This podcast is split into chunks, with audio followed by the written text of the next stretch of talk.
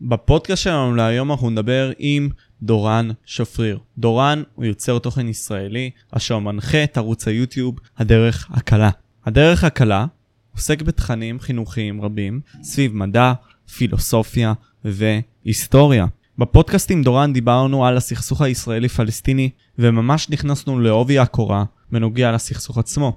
דיברנו על הכיבוש, דיברנו על הנכבה, על האפרטהייד, על זכות השיבה, על הזיקה ההיסטורית שלנו ועל הרבה מאוד נושאים הקשורים בסכסוך עצמו. האמנם לא הגענו לתשובה בנוגע לסכסוך, אבל זה לא הדבר החשוב. חשוב לבוא ולפזר את המידע בצורה מדויקת, כדי שנוכל להשכיל כולנו ביחד. ומי יודע, אולי ככל שנפזר את המידע וננסה לדון בנוגע לפתרונות של אותו סכסוך, אולי נמצא פתרון ביום מן הימים, מבן אדם אשר יבוא וישמע את הפודקאסט הזה. זה נותן בי תקווה. מקווה שתהנו, ובואו נתחיל בתוכנית. הנה אנחנו בעוד פודקאסט של משה פבריקנט, בואו נתחיל.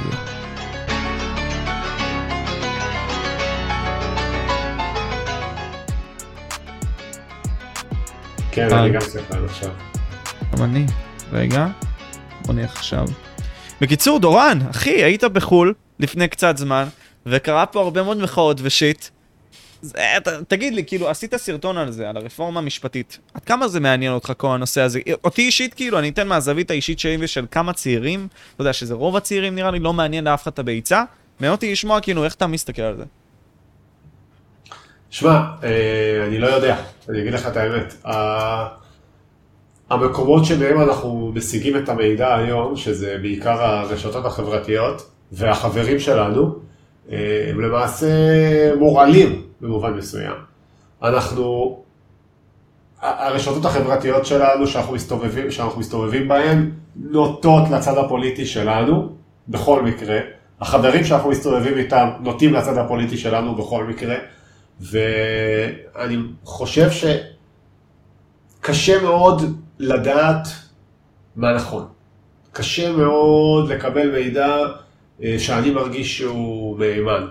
אה, עכשיו, בכל פעם שאני נוטה לכיוון אה, כן רפורמה, במחשבה, האמת שאני לא יודע אם יש לי ממש דעה על זה, אבל כשאני משחק עם הרעיון ואז אני מנסה לקחת אותו לכיוון של כן רפורמה, אני מהר מאוד משתכנע, אה, אה, משתכנע שלא רפורמה על ידי האנשים מהצד השני.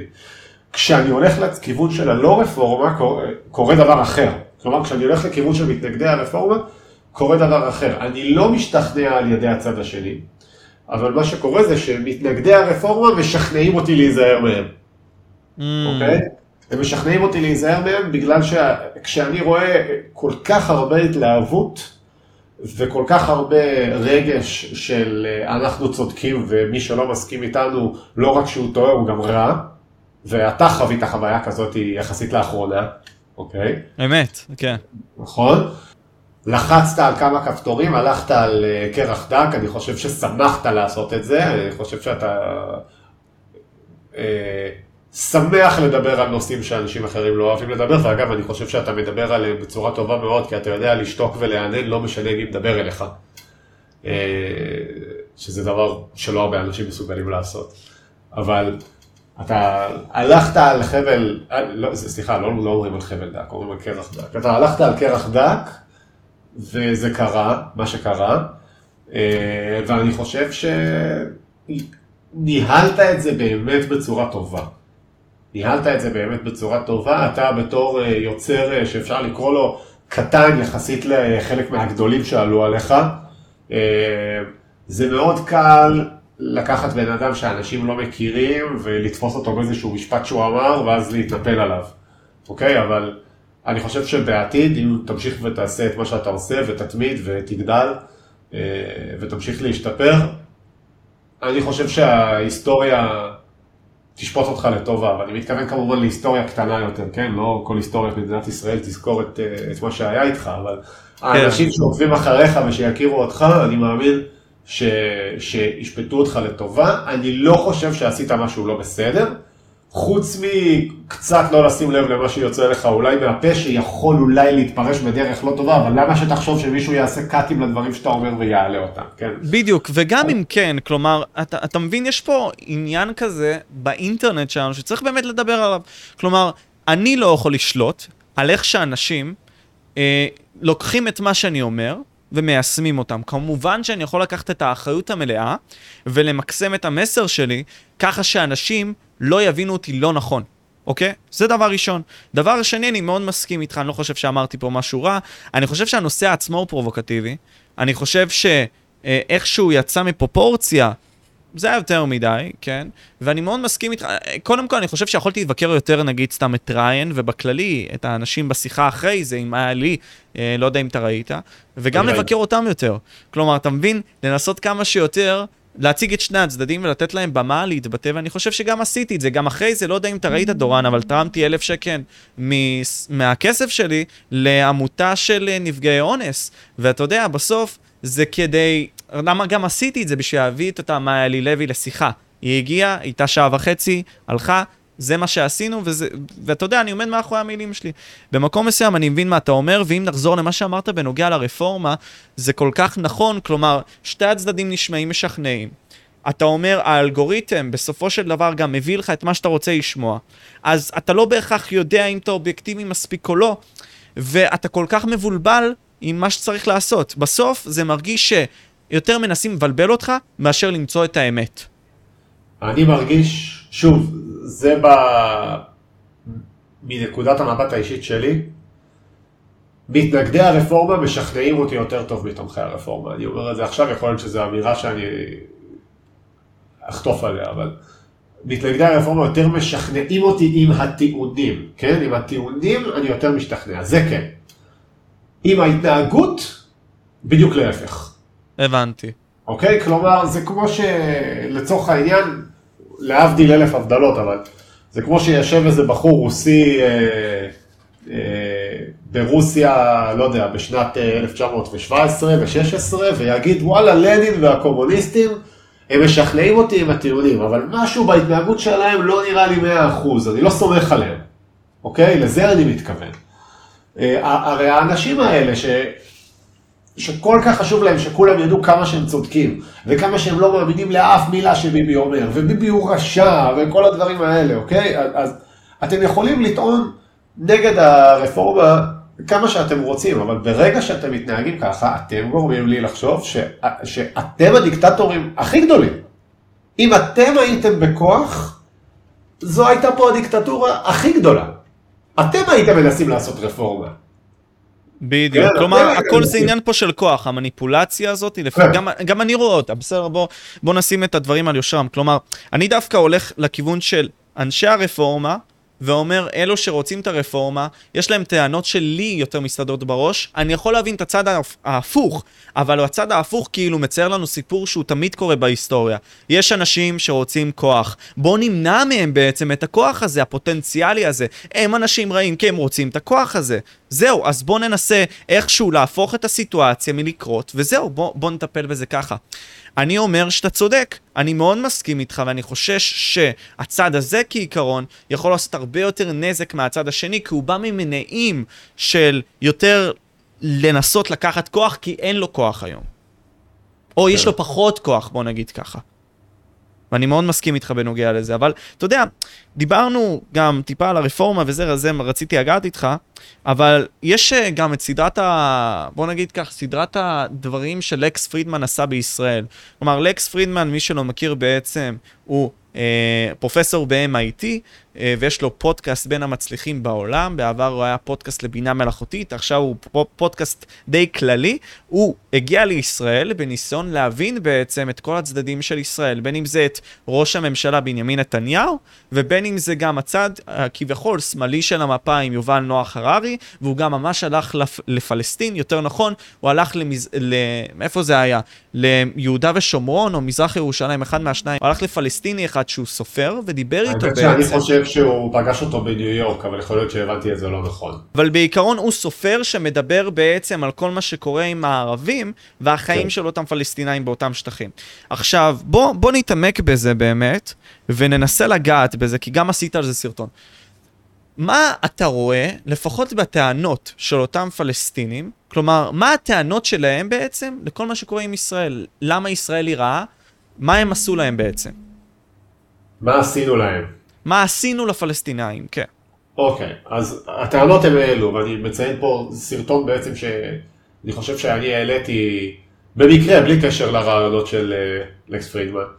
אה, העליתי אותו לפני שבועיים, אני חושב, נכון, לה, נכון להקלטת הפודקאסט הזה, שבועיים או שלושה אולי כבר.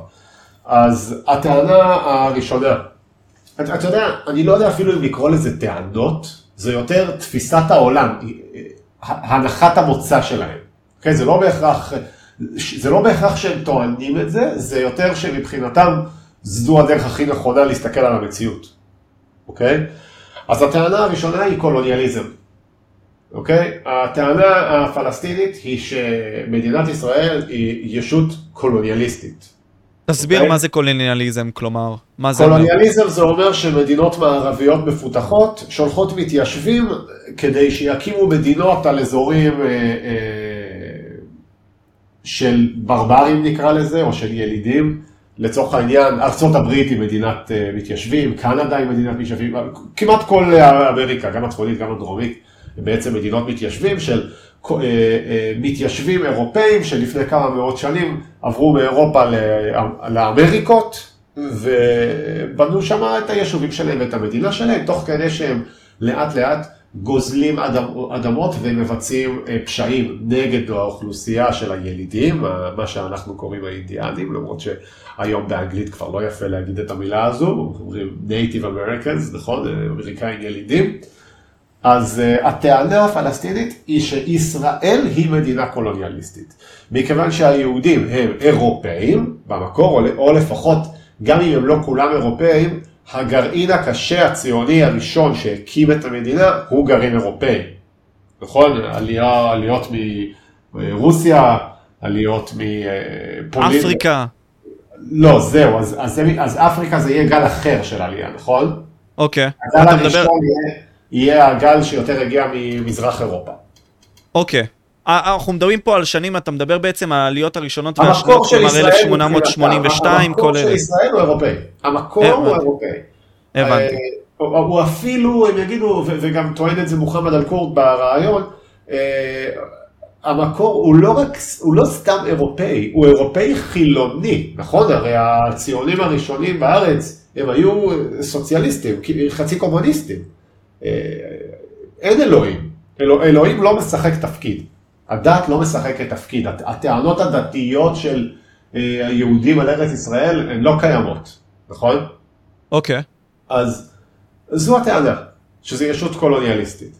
אז, אז בוא ננסה אולי להביא לזה קונטרה, כלומר, בשביל שזה יהיה מאוד כי, כזה דינמי, כי אנחנו יכולים כן. פה ללכת קודם כל להסביר את זה ואחרי זה, אוקיי. אז הקונטרה הנפוצה. כן. אתה רוצה שאני אדע על זה עכשיו? כן, כי אני אומר לעצמי, אוקיי, כלומר, אנחנו הגענו לפה לארץ, הגענו לפה אחרי הרבה מאוד חיכוך, במיוחד עם הבריטים, לפני זה היה גם עם uh, העות'מאנים, נכון, היה את החיכוך עם הבריטים וכל מה שעשינו עם האצ"ל והלח"י בשביל להשיג את המדינה והכל. ובסוף, כאילו, על פי כך קיבלנו את המדינה אחרי מלחמת, המלחמה שלנו שעשינו איתם, עם הפלסטינים. כלומר, איך... זה איך, לא איך... בדיוק היה רק עם הפלסטינים, תזכור שזה עדיין לא פלסטינים, זה הערבים שגרים בארץ ישראל, שעדיין לא הייתה להם זהות לאומית. אוקיי, אוקיי. היום יש להם, כן, אבל אז לא הייתה להם כל כך. ומה הקונטרה לקולוניאליזם ולטענה הזאת, כלומר? אז, אז הטענה הנפוצה נגד אה, כאלה שטוענים שישראל היא מדינה קולוניאליסטית, אה, תהיה להגיד סוג של דבר כזה. תחשבו, אתה יודע מה, איך קראו לניו יורק למשל, לפני שהיא הייתה ניו יורק? ניו אמסטרדם. הייתה קולוניה הולנדית. אוקיי.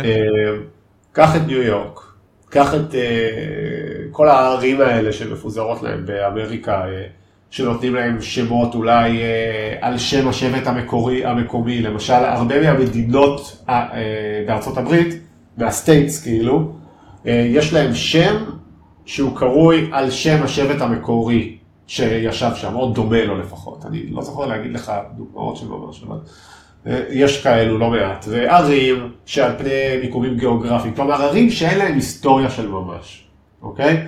אז אין לך, אין לך עיר, אתה מקים את העיר ניו יורק. מה זה ניו יורק? זו יורק החדשה, יורק זו עיר באנגליה, כן, נכון? במרכז אנגליה. אז קצת צפונה בעצם. אז עכשיו בעצם יש לך אה, אה, בישראל, אנחנו יכולים לטעון מנגד, אנחנו אומרים סליחה, איפה פה ניו ורשה? איפה פה ניו סנקט פטרסבורג? אוקיי? מה השמות של הערים שלנו? אותם שמות של הערים שהיו בתנ"ך. אוקיי? זה, שזה עבורנו אמור להוות איזושהי הוכחה ש... תראה, זה לא שאנחנו אירופאים קולוניאליסטים שבאנו למקום חדש ויישבנו אותו. אנחנו חזרנו למקום ישן. כן, לנו, לנו יש זיקה היסטורית וגם להם יש איזושהי זיקה היסטורית. יפה, אבל גם לזה תהיה להם תשובה. אני עכשיו... כן, כן, כן, כן, לא, אני מבין. לא, אני מבין, אני מבין. אבל בעיקרון, בשביל לסגור את העניין הקולוניאליסטי, כלומר, אתה אומר לי כאינדיקציה, קולוניאליזם גם מחייב באיזשהו מקום שאנחנו נשים טביעת אצבע ונשנה בעצם את המיקומים ונעשה אותם שונים. כלומר, זה, זה העניין, בשביל להטביע את חותמנו, אבל אנחנו לא עשינו את זה. אה, הם יטענו שכן עשינו את זה, אבל אנחנו טוענים שלא עשינו את זה. כי הם יבואו והם יגידו, ישראל היא מדינה מערבית סך הכל, נכון? אתה באת ואיזה מדינה הקמת פה באמצע העולם הערבי? הקמת מדינה מערבית. למה? כי אתה סוג של נשלחת על ידי המערב, אתה יצאת מהמערב ובאת וכבשת ותפסת פיסת שטח ואמרת זה שלי מעכשיו. וגם, והם יטענו גם שהטיעונים שלנו הם טיעונים קולוניאליסטיים, נכון? כי מה הרי אמרו האימפריות האירופאיות? הם אמרו, תראו אותם, את הילידים האלה, בעצמם ברברים, הם, הם צריכים את השליטה הנאורה שלנו, הם לא יודעים לטפל בעצמם, נכון? אנחנו גם כל הזמן עושים את זה, אנחנו אומרים תסתכלו על סוריה, תסתכלו על לבנון, תסתכלו על מצרים, כל הברברים האלה, כל ה... אצלנו ערביי ישראל חיים הכי טוב, נכון? אנחנו אומרים את זה, נכון? זה קצת מזכיר, אה, הפלסטינים יטענו שזה מזכיר את הטיעונים הקולוניאליסטיים האירופאים. אוקיי? Mm. מה זה מזכיר? הם יגידו שזה בדיוק זה. אבל אני אגיד איפה אני יכול לראות את זה כנכון, כלומר, בסיטואציה של היום, באיזשהו מקום שאנחנו מנהלים אותם ובאמת מסתכלים עליהם, אולי אני טועה כאן, כ... ו- וזה אולי טענות אחרות שאנחנו ניגע בהן, אבל כאזרחים סוג ב' או משהו בסגנון הזה, הם לא אזרחים אפילו שלנו, אבל התנהלות כזאת שאנחנו מנהלים אותם, יודעים מה בשבילם יותר טוב, וזהו, זה בעיקרון, לא נותנים להם להתנהל כאוטונומיה. כלומר, כישות כן, חופשית, כמדינה חופשית או מקום חופשי. פה אני חושב שקצת ערבבת, כי אני חושב ש, שלא הרבה ישראלים יטענו שאנחנו עושים את זה מכיוון שזה יותר טוב בשבילם. אנחנו אולי נגיד שערביי ישראל, בעלי תעודות זהות, כן, בעלי אזרחות ישראלית, עליהם אולי נגיד שעדיף להם לחיות תחת ישראל מאשר תחת uh, כל מדינה אחרת באזור, נכון? אבל על, על הערבים הפלסטינים שחיים uh, בשטחים, אה, ביהודה ושומרון, או ברצועת עזה, אנחנו לא נגיד, או במזרח ירושלים, אנחנו לא נגיד, אה, בהרבה מקרים אנחנו לא נגיד שעדיף להם לחיות ככה, נכון? אנחנו, הם לא מעניינים אותנו פשוט. נכון, כאילו, אמת. האינטרס שלנו הוא, הוא למנוע מהם את האפשרות לפגוע בנו, ואין לנו כל כך אינטרסים אחרים מולם. אבל הכוונה היא שנגיד סתם בעזה עם חמאס, אתה יודע, נתנו להם לארגן את האוטונומיה האישית שלהם בלי כל כך להתערב, ועל פי כך בעצם, אתה יודע, יש ארגון טרור שמנהל את המדינה. פה אני מסתכל על זה. הם יטענו שזאת טענה קולוניאליסטית, והם גם יטענו שחמאס הוא לא תוקפני כלפי ישראל, אוקיי?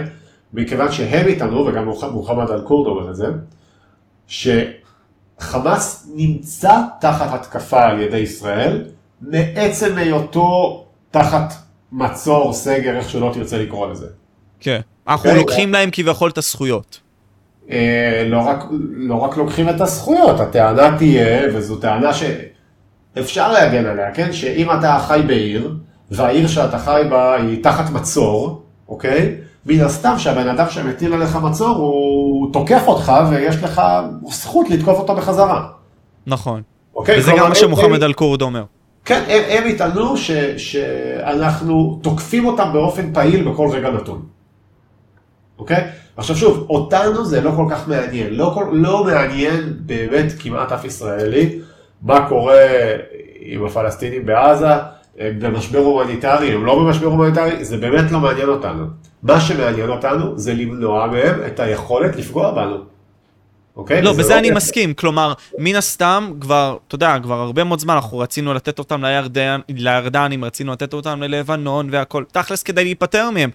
בפועל גם נראה לי מהחשיבה הישראלית ולפי ה-NSS, המכון למחקר ביטחון לאומי, אוקיי? אז הם אומרים בעיקרון שאנחנו רוצים להפריד אותם מאיתנו, שהם לא יהיו ישראלים בשביל שנשמור על הזהות היהודית שלנו. אני מסכים איתך, אני גם חושב ככה.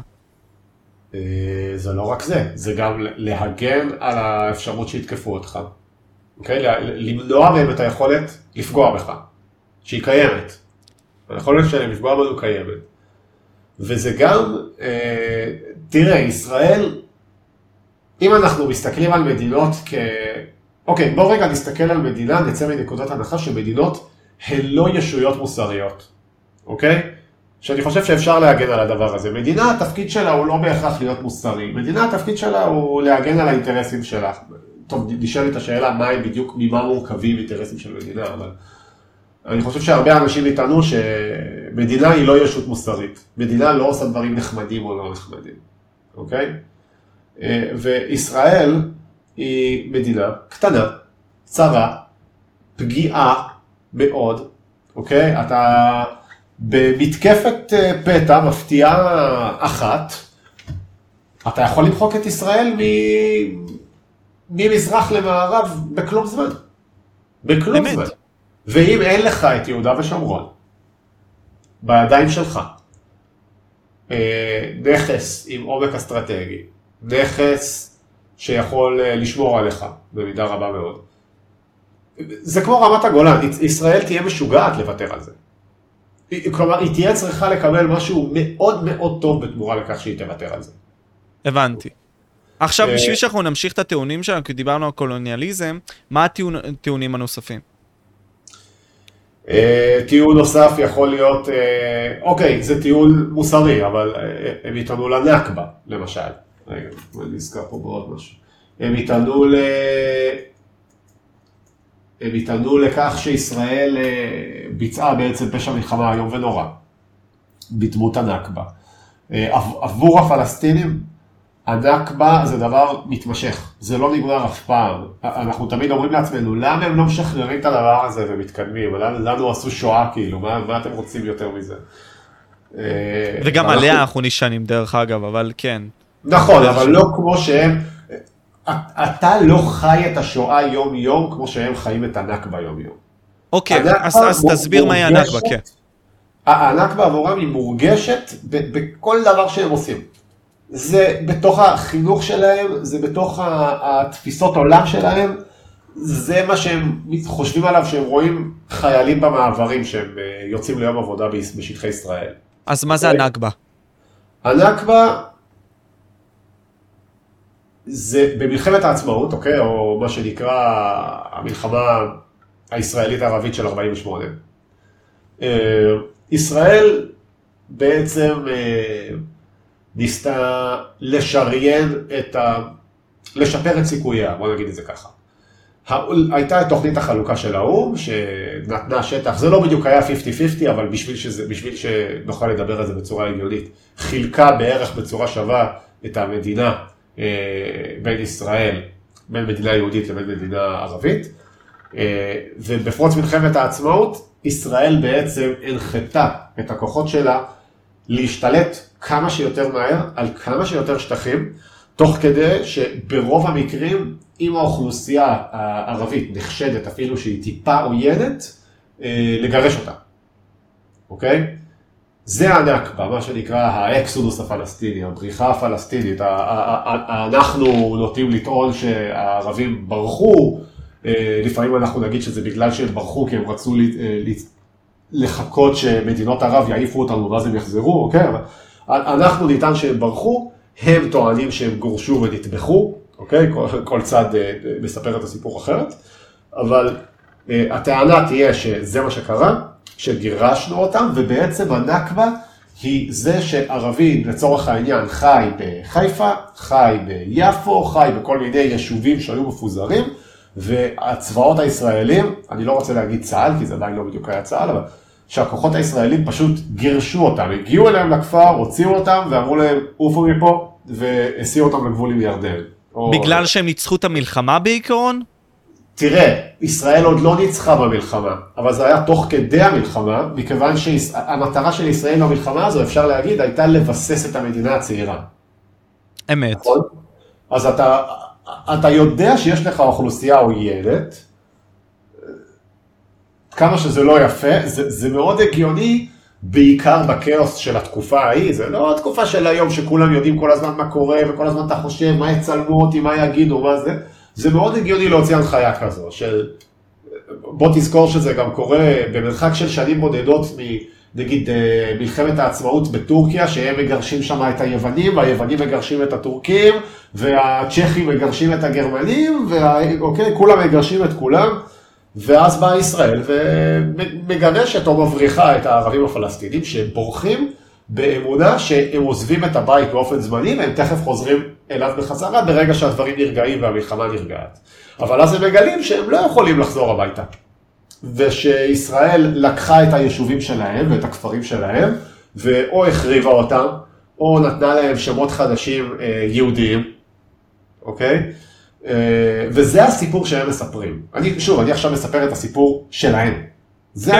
הסיפור שהם מספרים, ש... שזה מבחינתם מה שקרה. עכשיו, הם, כאן זה מתחבר לנו עם זכות השיבה.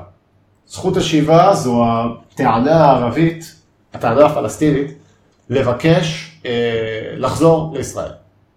לחזור לשטחי פלסטין ההיסטורית, מה שהם יקראו, אה, לבתים שלהם, לחיפה, לכפרים באזור תל אביב, לכל הארץ, לא רק ליהודה ושומרון. והטענה שלהם תהיה אה, שישראל היא מדינה גזענית, בהגדרה. למה ישראל היא מדינה גזענית? מכיוון שיש לך, אה, אוקיי, תחשוב על זה ככה, יבוא עכשיו יהודי אמריקאי שגר בניו יורק, וארבע דורות הוא כבר גר בארצות הברית, והדורות שלפני ארצות הברית הם מפולין, לא יודע, מצרפת, לא משנה, ממדינה אחרת. כף רגלה של המשפחה שלו, למרות שהם יהודיים, כף רגלה של המשפחה שלו לא דרכה בישראל אלפי שנים. אוקיי? הוא יכול מחר לעשות עלייה לארץ ולקבל אזרחות ולבוא לגור בתל אביב. אוקיי? לעומת זאת, איתנו הפלסטינים, אה, סבא שלי, אני מדבר עכשיו בתור מוחמד אל-כורד, אוקיי? סבא שלי, שחי כל חייה, סבתא שלי, שחיה כל חייה בחיפה, אוקיי? אה, היא לא יכולה לחזור לחיפה בשום פנים ואופן. כלומר, היא לא יכולה עכשיו לעלות למטוס לקבל אזרחות, היא לא יכולה לעשות לא יכולה, לא, עזוב אזרחות, היא לא יכולה להיכנס בכלל, כי בעצם היותה פלסטינית שגורשה. וואו. היא לא יכולה, זאת אומרת, איזה, אה, איך אתם משווים בכלל בן אדם שגר פה, לעומת בן אדם שהמשפחה שלו לא הייתה פה אלפי שנים, ורק על סמך הגזע, זה שהוא יהודי והוא לא, רק על סמך זה אתם מחליטים שהוא מותר לו והיא אסור לה. אוקיי? אז זאת תהיה עוד טענה, הטענה שלהם לזכות השיבה. עכשיו, ישראל... בכל משא ומתן, החוק של, אחד התנאים שלה הוא תמיד, אה, שזכות השיבה זה out of the question, לא מתקבל על הדעת בשום צורה. למה? מכיוון שאם גירשנו קצת פחות מ... אה, אני לא זוכר את המספר, זה איפשהו בין 600 אלף ל... כן, זה בול מה שרציתי להגיד, 600 אלף. היום הם יותר ממיליון. מה אתה כן. תעשה? אתה תחזיר את כולם לארץ ישראל ותיתן להם אזרחות? הפחד בגדול ממה שאני מבין ממך שיהיה רוב כביכול, או פוטנציאל לרוב ערבי פלסטיני? זה לא רק הרוב. אתה, אתה מדבר פה במובנים של אה, מה עושים, זה דמוקרטיה, הם יצביעו, הם ישתלטו על המדינה. נכון, זה נכון, אבל אפילו יותר בסיסי מזה, אתה מכניס לפה אוכלוסייה עוינת שמבחינתה, אתה נלחם בה כרגע ולכן להם יש לגיטימיות להילחם בך. Mm. Okay? אוקיי? החוויה הפלסטינית היא שהם תחת התקפה כל הזמן. לכן הם כל הזמן מדברים על התנגדות, התנגדות, התנגדות. כי מבחינתם, זה לא שאתה עוזב אותם בשקט ואתה אומר להם רק תעזבו אותי בשקט. אוקיי? זה, זה מה שאנחנו חושבים, נכון? אנחנו אומרים, אנחנו, אנחנו עושים אותם בשקט, שיעשו את שלהם ושיעזבו אותנו, נכון? הם לא רואים את זה ככה. הם מבחינתם, אתה ברגע זה מתקיף אותם. על עזה אתה מטיל מצור. על יהודה ושומרון אתה מחזיק אותם בתנאים לא תנאים. הרשות הפלסטינית היא בובה שלך בכלל, מבחינתם. מבחינת הרבה מהם לפחות, אוקיי? אתה... אין לי מי לדבר. כן. אוקיי, הם לא... הם... מה אמר אה, אה, מוחמד אל-קודס? הצוואר לא יכול, לא יכול לעשות משא ומתן עם הסכין. בדיוק, נכון. אוקיי, אני, אני לא... אני... אתה לא תחזיק אותי פה ככה, ואז תגיד לי, אוקיי, בוא תעשה איתי משא ומתן. אתה כרגע מנסה להרוג אותי, אני חייב להתנגד. כן. אוקיי? אז זו החוויה הפלסטינית. החוויה עכשיו... הפלסטינית היא של התנגדות וקרב כל הזמן. אתה אמרת לי, ואנחנו עצרנו בהקלטה, בנוגע לחוק השבות והוא חוק גזעני. בגדול גם אמרת... הם טוענים שהוא חוק גזעני. הם לא טוענים שהוא חוק גזעני. אני אגיד, אבל משהו נגדי לזה, בסדר? או יותר נכון, אולי אה, יבין את זה, כי אתה אמרת לי ש... גירשו אותם מהארץ, אי אפשר להחזיר אותם לארץ, הם גרו בארץ, אבל אותו ג'ושוע, שהוא יהודי מברוקלין, יכול לעלות לפה, רק על פי ההבנה הזאת שאתה יודע, יש את חוק השבות. Uh, עכשיו אני שואל אותך שאלה כזאת. זה לא, אנחנו, אתה אמרת לי גם בנקודה מסוימת שמדינות הן לא מוסריות, אז בוא ניקח את זה גם ב, ב, ב, בקונספציה עצמה. אז אני לא בטוח לא... שמדינות הן לא מוסריות. אבל אתה יוצא מנקודת הנחה. כן, אוקיי. אתה יוצא מנקודת הנחה. אז, אז, אז אתה חושב שעל פי ככה אנחנו בסדר, כי אנחנו מדינה שנבנתה על בסיס יהודי, אוקיי? אנחנו יכולים לאפשר לעצמנו לעשות דבר כזה. כלומר, לחדול מקבוצה אחת בגלל אירועים היסטוריים, לא להיכנס למדינה שלנו, כי יש לנו פחדים א', ב' וג'. תראה, מדינת ישראל הוקמה אני לא בטוח שזה נכון, אבל נראה לי, שזה, נראה לי שמדינת ישראל הוקמה, המוטיבציה הגדולה ביותר להקים את מדינת, מדינת ישראל הייתה לתת בית לאומי לעם היהודי. זו המטרה, אוקיי? יהודית ודמוקרטית אמרנו, נכון? ההגדרה הבסיסית והעליונה ביותר של, של ארץ ישראל. אמ, ברגע שזו המטרה של המדינה, לא הייתה לך ברירה אלא לעשות את מה שעשית. אוקיי? מסכים. שאתה, אתה, אתה, אם המטרה העליונה של המדינה שנועדה להיות בית לאומי לעם היהודי, לא הייתה לנו ברירה אלא לפעול כפי שפעלנו. אוקיי? מכיוון שאם אתה בית לאומי לעם היהודי, אתה לא יכול להקים מדינה שיש בתוכך גורמים עוינים.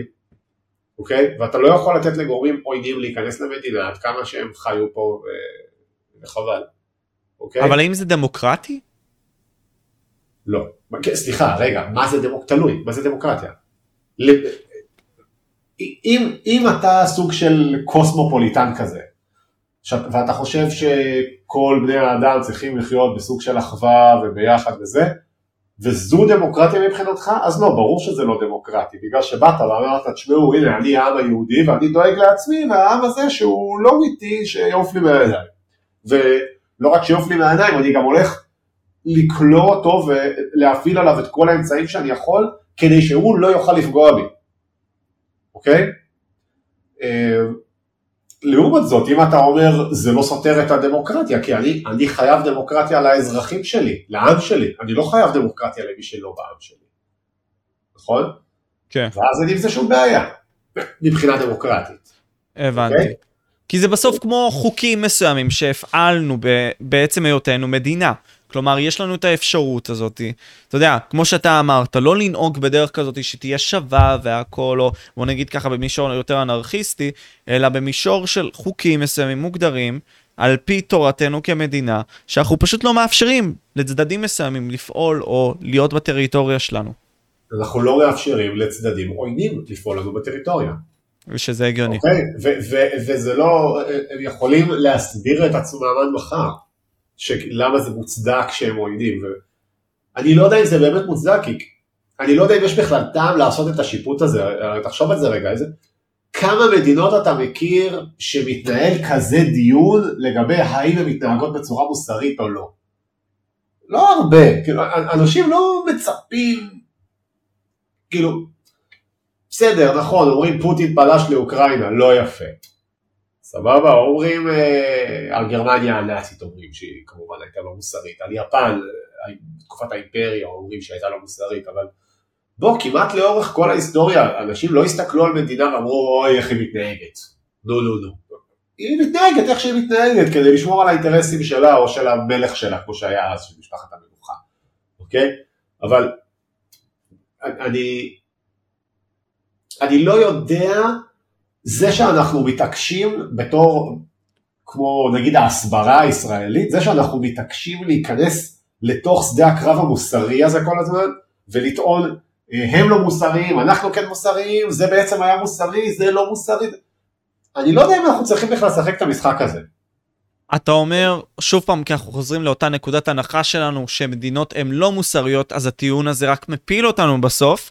ואתה אומר לי גם שאם היינו הולכים את זה לכל מדינה, לא משנה באשר היא, במיוחד מדינה מערבית, סתם דוגמה, סטייל ארצות הברית, אפשר לקחת את זה גם לסין, אתה יודע, התפוח לא, נופ... התפוח לא נפל רחוק מהעץ בדברים מסוימים, עוד פעם, אולי סיטואציות אחרות, מקרים אחרים, אבל גם הם לא פועלים בצורה נכונה.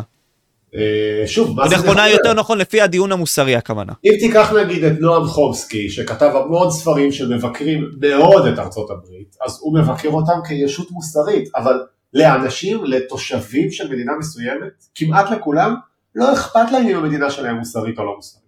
אכפת להם איך מתנהגים אליהם. אוקיי? זה... גם אני לא יודע אם... כאילו, יכול להיות שמה שישראל, אני, אני מעלה פה מחשבה, אני לא בהכרח מאמין בזה, אבל יכול להיות שמה שהישראלים צריכים לעשות, כשתוקפים אותה מוסרית, זה לא להיכנס לדיון הזה בכלל, אלא לענות משהו כמו, חברים, זה לא משנה. זה לא משנה כן עשינו, לא עשינו, כן יפה, לא יפה. השורה התחתונה היא שאם אנחנו לא נעשה את זה, או אם לא היינו עושים את זה, העם היהודי היה בסכנה. וכל התכלית של מדינת ישראל הייתה הולכת לפח.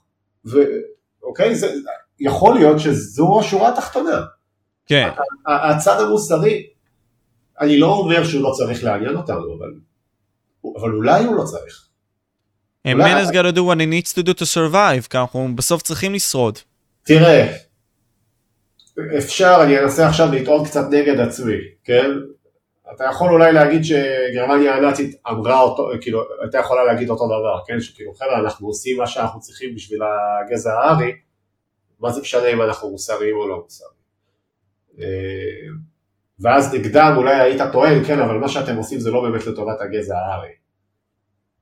אבל זה תלוי איך אתה מסתכל על זה, זה על פי העדשה שלך, כי אתה אומר, אם אתה רוצה להציל את הגזע הארי, אתה צריך להכחיד, או לפחות להמעיט בכמותם של הגזעים האחרים, בשביל האפשרות שהגזע הארי כן. יוכל להרים את עצמו, להקים את עצמו, כי יש לו את האפשרות לעשות זאת בעקבות אותם הכחדות, וכביכול בגלל שאנחנו המעטנו בגזעים אחרים. מרחב מחיה וכן הלאה, כן, דברים כן.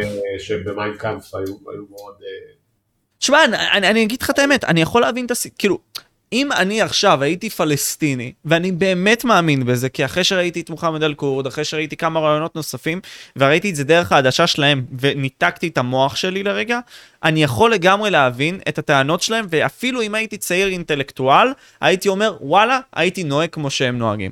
חד משמעית. מהצד שלהם, ואין מה לעשות עם זה. אבל, אבל זה לא הדיון. זה מה שאני מנסה להגיד, זה לא הדיון. נכון, זה גם מה אה, שאני אומר, אני אומר, זה לא, לא משנה מה עשו לי, מי אמרו לי, השורה התחתונה היא ש- it is what it is. נכון. לא יכול, זה לא יכול להשתנות. עשו לכם נכבה, אוקיי, לנו עשו שואה, אנחנו לא יכולים לשנות את זה. אנחנו לא יכולים לשנות את זה. עכשיו, הדרישה הפלסטינית, מה שאמרו שלושת הארים, נכון, מה זה היה? אה, recognition, return, redistribution. recognition זה הכרה, כלומר אה, אנחנו צריכים להכיר בעוול הענק שעשינו להם. עכשיו, זה, אני לא חושב שזה צריך, אם היינו מכירים בזה, זה לא פוגע בישראל, פשוט הרבה מהישראלים לא מוכנים להכיר בזה שנעשה פה עוול. יגידו, אתם ברחתם או אתם זה, אוקיי, אבל נגיד, זה לא מפריע, זה, זה לא באמת מפריע לאף אחד, אני חושב, אוקיי? אז זה recognition. השני היה ריטרן. מה זה ריטרן? לא, זכות השיבה נגד חוק השבות, מה זה בדיוק הוויכוח אז הם הזה. יגידו, אז זה השלב השני. ופה אנחנו נגיד, וואו, לא. אנחנו, גם אם, אני, גם אם אנחנו מכירים בזה שנעשה לכם עוול, ואפילו אם נודה שעשינו את זה בכוונה, נגיד, נגיד. כן? אפילו אם נודה שעשינו את זה בכוונה, אה, אנחנו עדיין לא יכולים לתת לכם לחזור, סורי, זה, זה יהיה הסוף של המדינה שלנו, נכון? אה, והטענה, הבקשה האחרונה, הדרישה האחרונה, redistribution, חלוקה מחדש, אוקיי? מה זה אומר חלוקה מחדש? זה את האדמות שעשקנו במרכאות מהם. חיפה, הדברים- נצרת, כל אותם מקומות. אוקיי? עכשיו גם זה לא יכול לקרות. כי יש שם נכון. אנשים שחיים, וליטרלי מנהלים סגנון חיים זה משלהם. לא, גם אם לא היו שם אנשים שחיים, זהו, זה חלק מהמדינה הריבונית שלך, מה אתה תשחרר את זה? בשביל מה? בשביל מה תשחרר את זה? מה, מה אתה תקבל? שיפסיקו לעשות לך, להתבכיין לך בפודקאסטים של אה, לקס פרידמן? לא, באמת, אין- לך שום סיבה לעשות את זה. זה המצב. אוקיי, זה, זה כמו שעכשיו יבוא לי מתחרה עסקי שפתחתי מולו חנות וגרמתי לו לפשוט את הרגל, ואז הוא יבוא ויגיד, טוב, בוא אחי, תן לי איזה, תן לי לפחות איזה נתח מההכנסות אה, שלקחת על חשבוני כדי... למה שאני אעשה את זה? מובן. מה אתה מביא לי? אוקיי? אם אין לך מה להביא לי.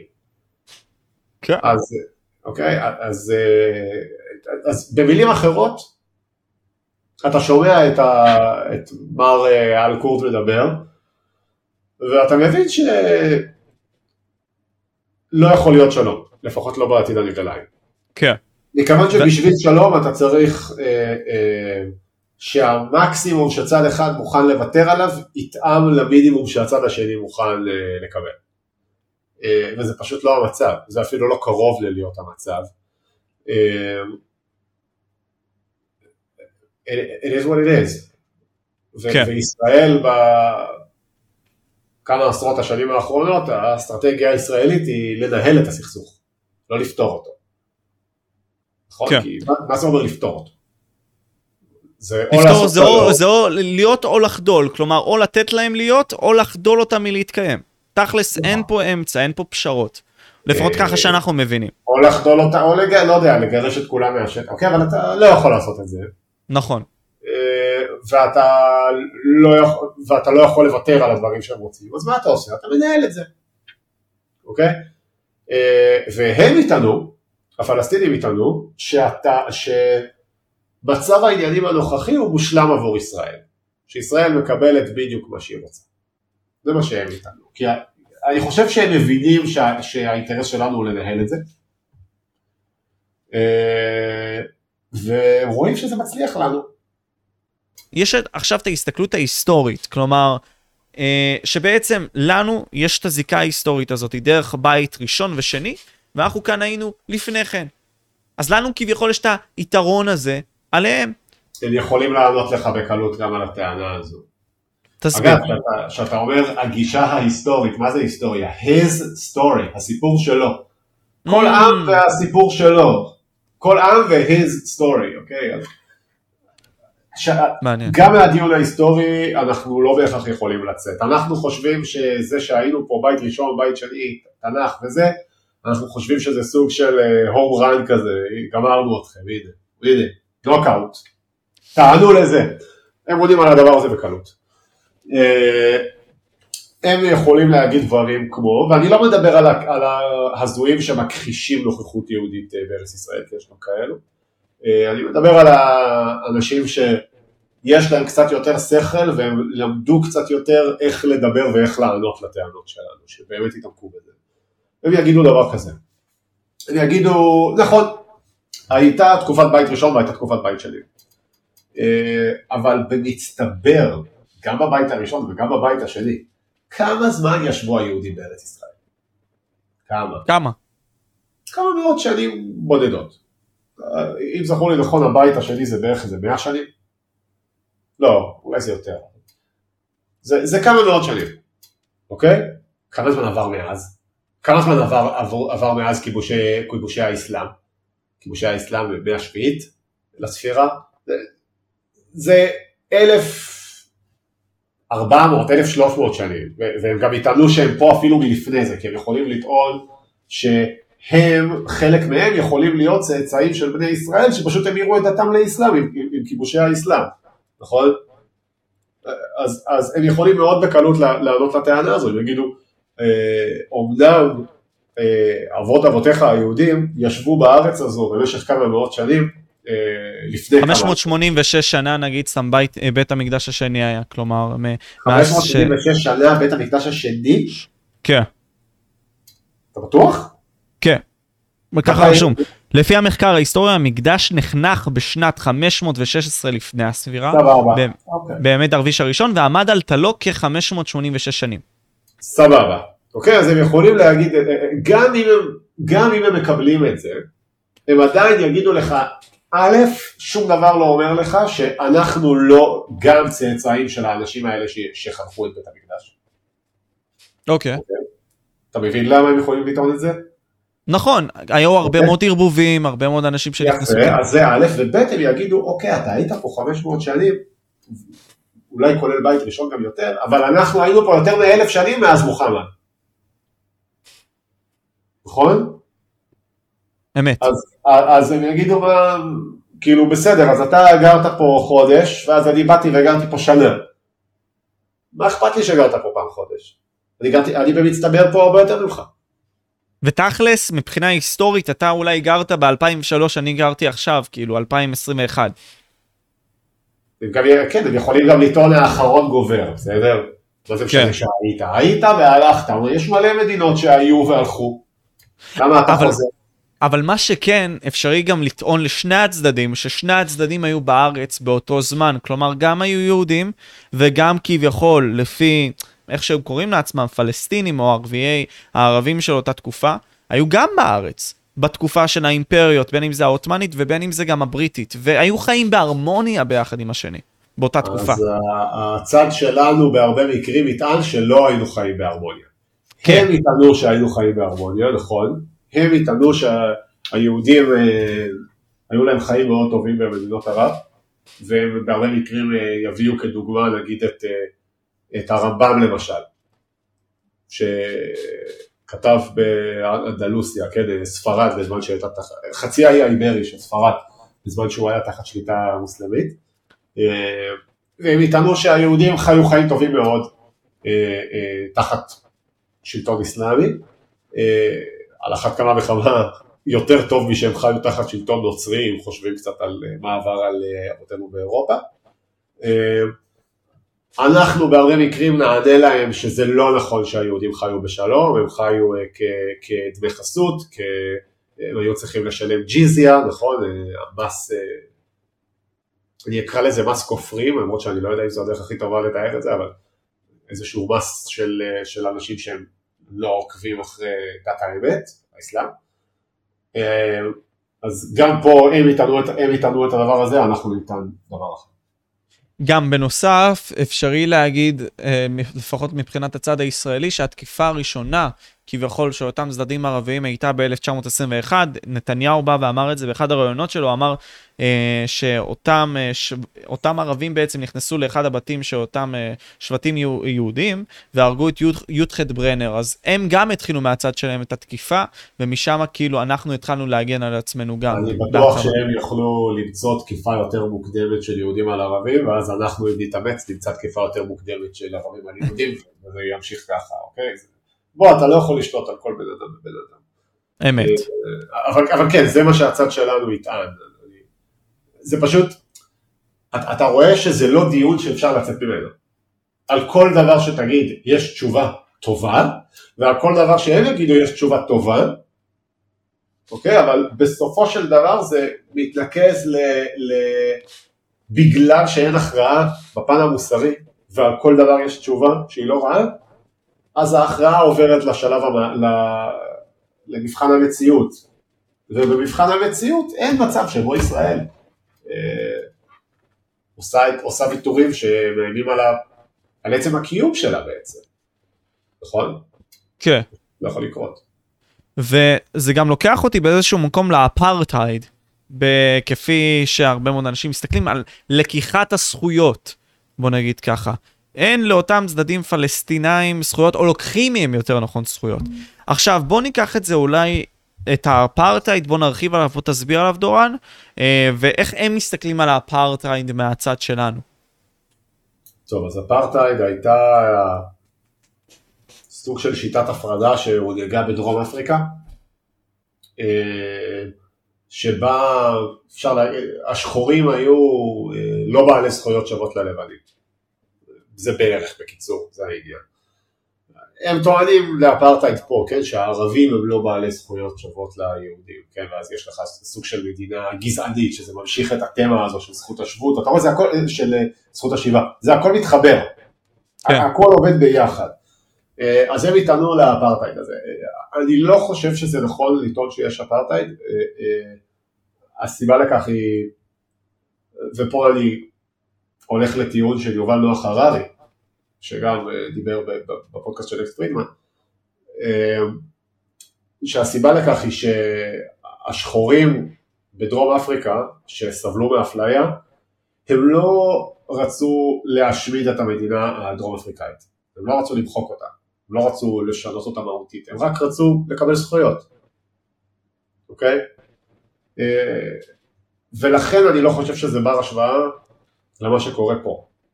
אתה לא יכול... הם גם לא להגיד... לא אזרחים בסופו של דבר, נכון, גם במדינה שלנו. אתה, לא יכול להגיד העזתים אה, חיים תחת אפרטהייד, הם, לא, הם, לא, הם, הם לא, אין להם שום שאיפה לי, אה, להשתלב איתם, נכון? סליחה, הם יטענו שיש להם שאיפה להשתלב איתנו, נכון? הם יגידו לא, אנחנו רוצים מדינה שווה. אה, אולי חמאס לא, כי חמאס הוא ארגון אסלאמי, אבל נגיד אם, אם נלך לשטחים, לרשות הפלסטינית, שזה גוף יותר חילוני ביחס לחמאס, אז הם אולי יטענו, אה, לא, אנחנו לא רוצים להשמיד את ישראל, אין לנו שום בעיה שתהיה ישראל, פשוט שזה לא יהיה משנה בכלל אם אתה יהודי או ערבי. עכשיו. אנחנו בתור, בתור יהודים, אנחנו ניתן שעצם הדבר הזה משמיד את ישראל מכיוון שישראל היא מדינתו של העם היהודי.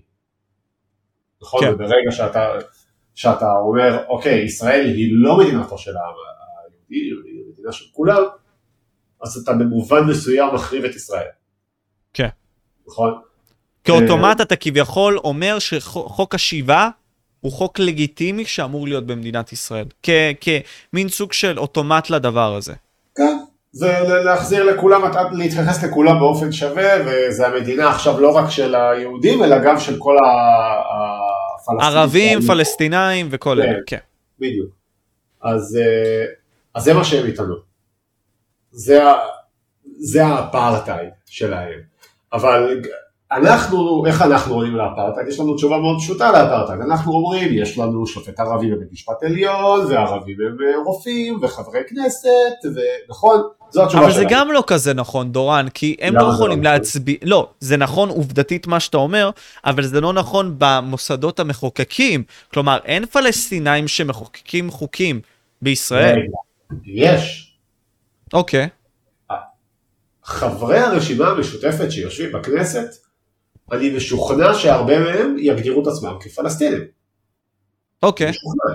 אנחנו. אוקיי. קוראים להם ערביי ישראל, כי לא נעים לנו להגיד שיש פלסטינים עם תעודת זהות אה, ישראלית, אוקיי? אבל בוא, כאילו, הם ערבים שחיו בארץ ישראל, הם פלסטינים, הם פשוט במקרה, לא יודע, הם, הם לא היו, ב, לא גרו ביישוב שההגנה גירשה. אז אני שואל אז שאלה אחרת. או, או ביישוב. כן. שברח מההגנה. אז okay, בוא, בוא נעלה תמה, אז אה, נושא מסוים, אז למה הם בכלל קיימים כייצוא כלשהו אם במסווה הם מביאים את הקול הפלסטיני שכבר דיברנו עליו שהוא לא חלק ממדינת ישראל, אלא הוא כביכול, כמו שאתה אמרת, או אמנם ישות משלו, אבל היא לא קשורה בשום צורה למדינת ישראל. לפני שאני עונה לך על זה, אני רק רוצה להבהיר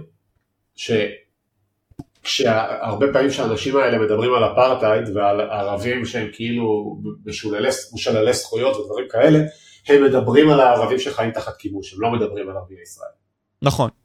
עכשיו, יהיו כאלה שידברו גם על ערביי ישראל, שהם יטענו שיש הזנחה של המערכות הערביות, אוקיי, ולכן זה אפרטהייד. אז זה גם, זה גם אפשרי. אבל לא, עכשיו- לא, למה לא להוציא את הצדדים האלה שכביכול מייצגים את הצדדים הפלסטינאים? זאת הכוונה שלי. כמובן שצריך ייצוג לערביי ישראל, זה בטוח. ערביי ישראל הם, הם פלסטינים. מה זה ערביי ישראל? מאיפה הם באו? אוקיי, מאיפה הם באו? הם היו פה, כחלקם. אוקיי, אוקיי, אבל גם הפלסטינים היו פה. מה ההבדל ביניהם? איך שמגדירים את עצמם לאומית. השיוך הלאומי שלהם. ההבדל, נכון, אוקיי, א', נכון, איך שהם מגדירים את עצמם, בסדר, אבל, אבל במקור ההבדל ביניהם הוא מי ברח, סלש גורש, ומי לא. וואו, אוקיי. נכון. היו פה, לא יודע, היו פה מיליון ערבים, נכון, נגיד, נגיד. 60-70 אחוז מהם לא היו פה אחרי מלחמת העצמאות, אה, נגיד 30-40 אחוז כן היו פה אחרי מלחמת האזרחות, אלה ערביי ישראל, אלה ערבים פלסטינים. לא? אוקיי. מאיפה הם באו? לא, לא, ברור, ברור, אני מבין מה אתה אומר. כן, טוב שחידדת את זה. אז, אוקיי? כן. אז אנחנו מדברים שוב פעם על הרשימה המשותפת, רצית לגעת בזה. לא, זה פשוט, תראה, לא כל... יש באמת ערביי ישראל, ערבים ישראלים שמשתלבים לכל דבר ועניין. אוקיי? ואתה מתחיל לראות באמת את התהליך הזה, אתה ראית את זה עם אה, מה שקרה נגיד עם אה, רע"מ, נכון? אה, מפלגה שבאופן גלוי מדברת על זה שהיא רוצה לשבת בממשלה ולקבל החלטות שיקדמו את החברה שלה.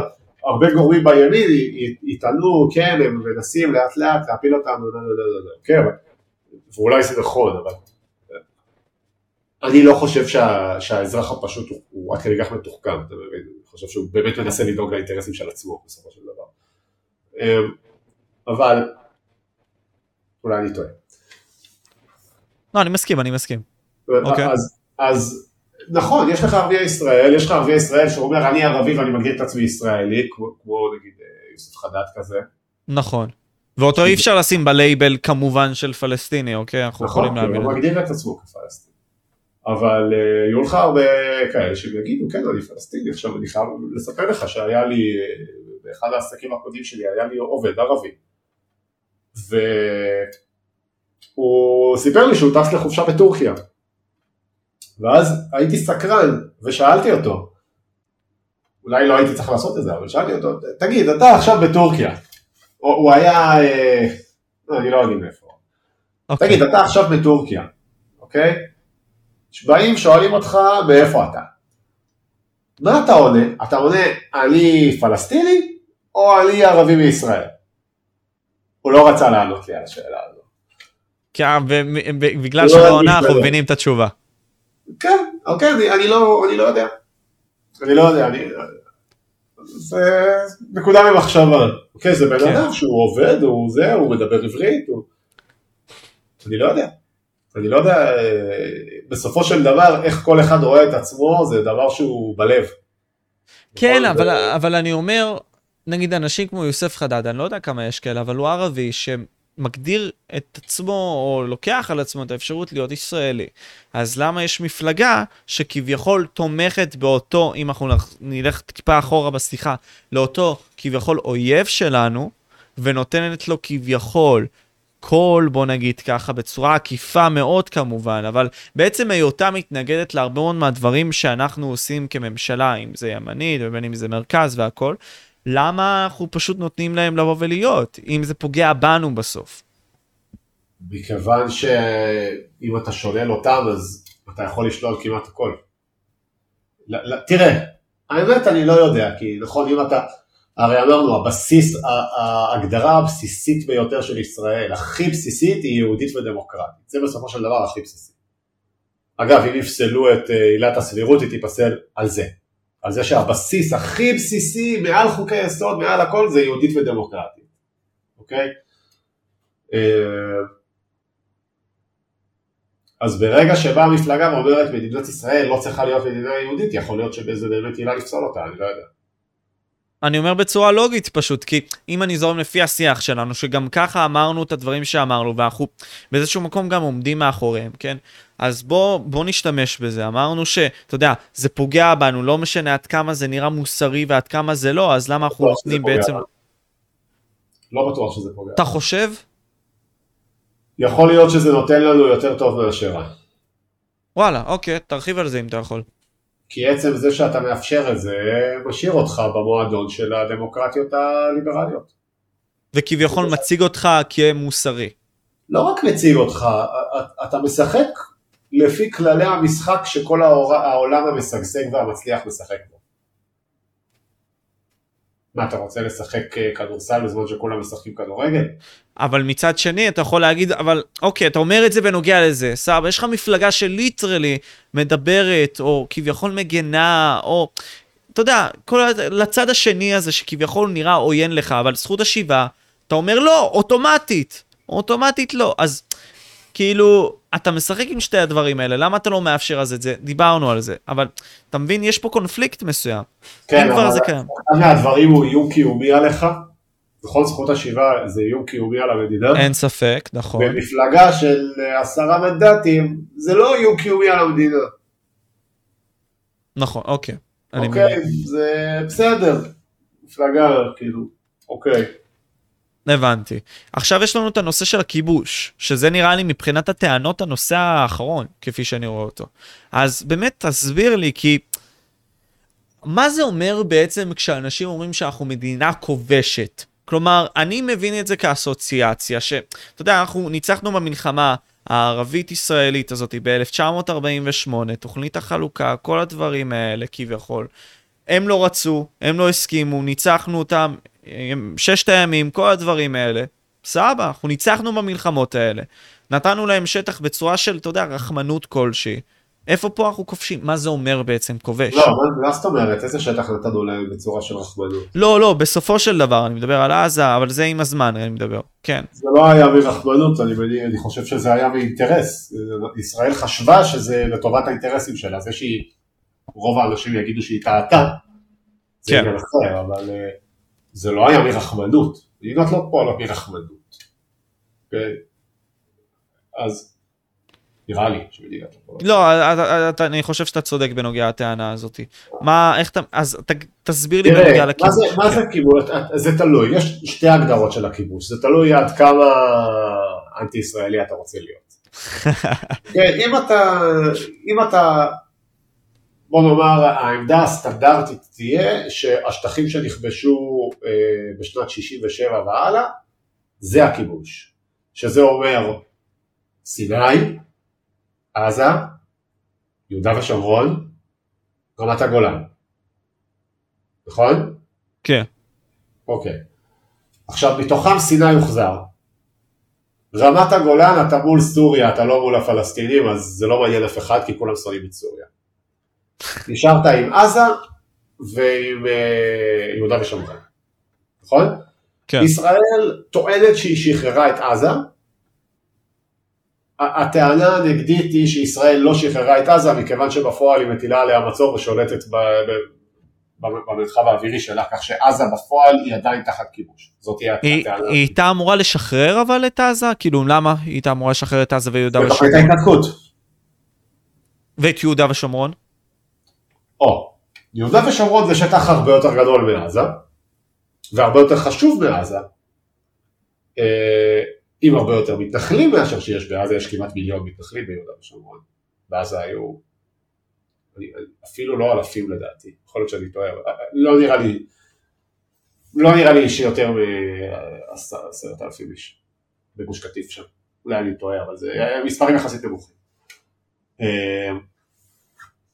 אז הטענה תהיה שאומרים כיבוש, הטענה היא לעזה וליהודה ושומרון, לאף אחד לא אכפת מרמת הגולן, בסדר? זה סוריה, סוריה רעים, פוצצו. למרות שהמחמירים יגידו, יגידו גם על רמת הגולן ש, שזה כיבוש. טכנית זה נכון, כאילו מבחינת החוק הבינלאומי. כאילו, לא, סליחה, ישראל סיפחה את רמת הגולן, פשוט לא כל המדינות מכירות בזה. ארה"ב למשל הכירה בזה תחת טראמפ, זוכר? לא, אבל לא כל המדינות מכירות בזה שרמת הגולן שייכת לישראל עכשיו. עכשיו, אה, יהודה ושומרון אה, ישראל כובשת את יהודה ושומרון גם לפי הגדרות של ישראל. למה? כי ישראל לא סיפחה את יהודה ושומרון. נכון? יהודה ושומרון לא חל עליה החוק הישראלי, כלומר יהודה ושומרון זה טכנית לא בתוך שטחי מדינת ישראל. זה תחת שליטת ישראל, אבל זה לא בתוך שטחי המדינה, נכון? אוקיי. Okay. יש לך את כל האוסלו שם עם A, B, C, אוקיי, אבל זה, לא רוצה להיכנס לזה.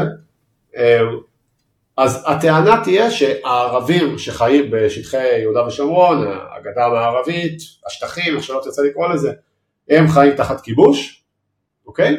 והטענה הנוספת תהיה שגם רצועת עזה חיה תחת כיבוש, הלכה למעשה, למרות שכביכול התנתקת מהם, אתה עדיין כובש אותם, כי אתה לוכד אותם בכלא. אבל, אוקיי? אבל אז, אז, אז רגע, בוא ניכנס לזה, כי אני מסתכל על זה בצורה מאוד מטומטמת. תנסה להכווין אותי, דורן. אני מסתכל על זה ככה, אני ניצחתי במלחמה, אוקיי? השטחים האלה שלי. אני לא. יכול לבחור, למה? בסוף ש... אני ניצחתי במלחמה הרי. כן, אבל... אה, אוקיי. כשגרמניה כבשה את צרפת, אוקיי? אה, אז צרפת הייתה תחת כיבוש. לא כל צרפת סופחה לגרמניה, נכון? אוקיי. כשגרמניה כבשה את פולין, לא כל פולין סופחה לגרמניה, נכון? היה לך גם את מה שנקרא גנרל גוברמנט. אוקיי. המשטר בובו, אוקיי? יש הבדל בין לכבוש שטח לבין לספח אותו למדינה שלך. אוקיי? אה, איזה עוד דוגמאות? כשארצות הברית כבשה את... אה, לא, יפן נכנעה ללא תנאים וארצות הברית כבשה אותה. אה, ארצות הברית כבשה את גרמניה ורוסיה כבשה את גרמניה, אבל הם לא סיפחו את גרמניה, נכון? הם היו תחת כיבוש, הכוחות הכובשים דאגו לאינטרסים שלהם ואז יצאו משם, נכון? ארצות okay. אוקיי. הברית כבשה את עיראק יחסית לאחרונה, נכון? היא סיפחה את עיראק? עיראק היא חלק מארצות הברית? לא. לא. האמריקאים עשו שם בעיראק מה שהם רצו לעשות, לא הלך להם והם יצאו. סוריה נכנסה ללבנון. אה, אוקיי, לא, לא חסרים לא, סיפורים. לא, כי אני אומר אז מה, אוקיי, אתה אמרת לי את ההבדל, אז כיבוש זה משהו טמפ, כלומר זמני, שבעצם אנחנו לא כביכול... בהכרח זמני, במקרה שלנו זה כמעט, זה כבר הרבה זמן, אבל, אבל כיבוש זה שצבא תופס טריטוריה מסוימת ו... מתנתק ממנו. לפי ההנחיות שהוא מקבל, בסדר? אוקיי. זה לא סיפוח.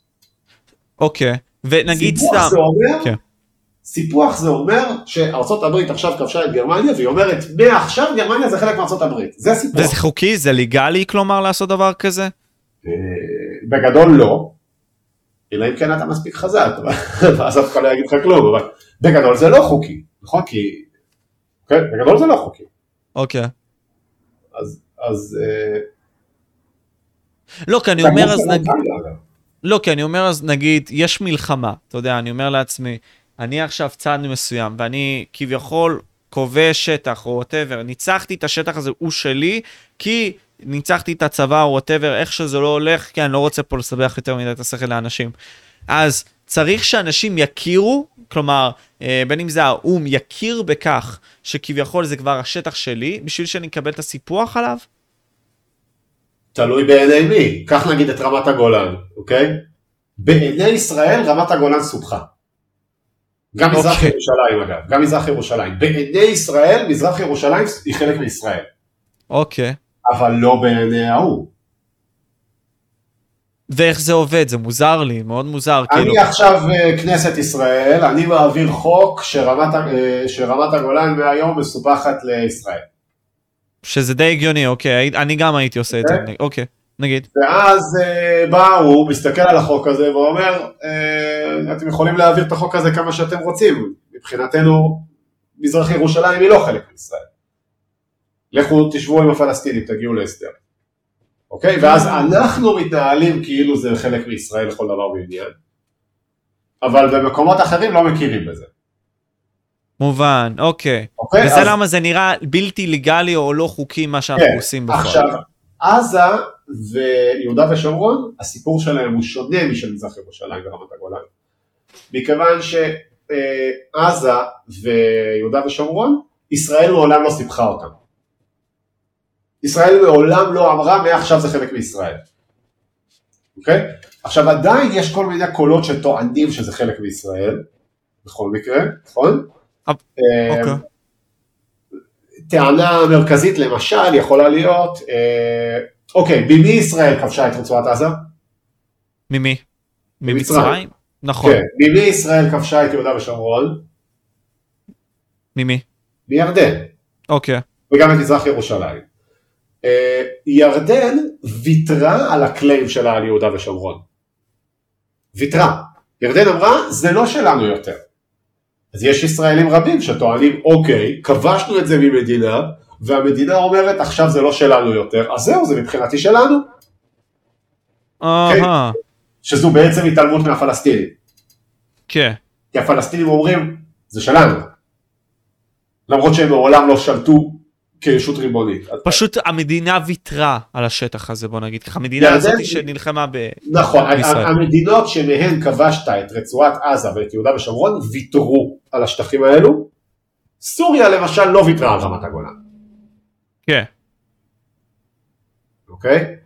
אגב, זה יהיה טמטום מצידה לוותר על רמת הגולן. כאילו, זה, זה גבול, יש לך גבול עם מדינה, בגבול יש הר, מה אתה מעדיף, שההר יהיה בצד שלך או בצד שלהם? ברור שאתה רוצה שזה יהיה בצד שלך, אסטרטגית. אומנות המלחמה, למה שתוותר על זה? לגמרי.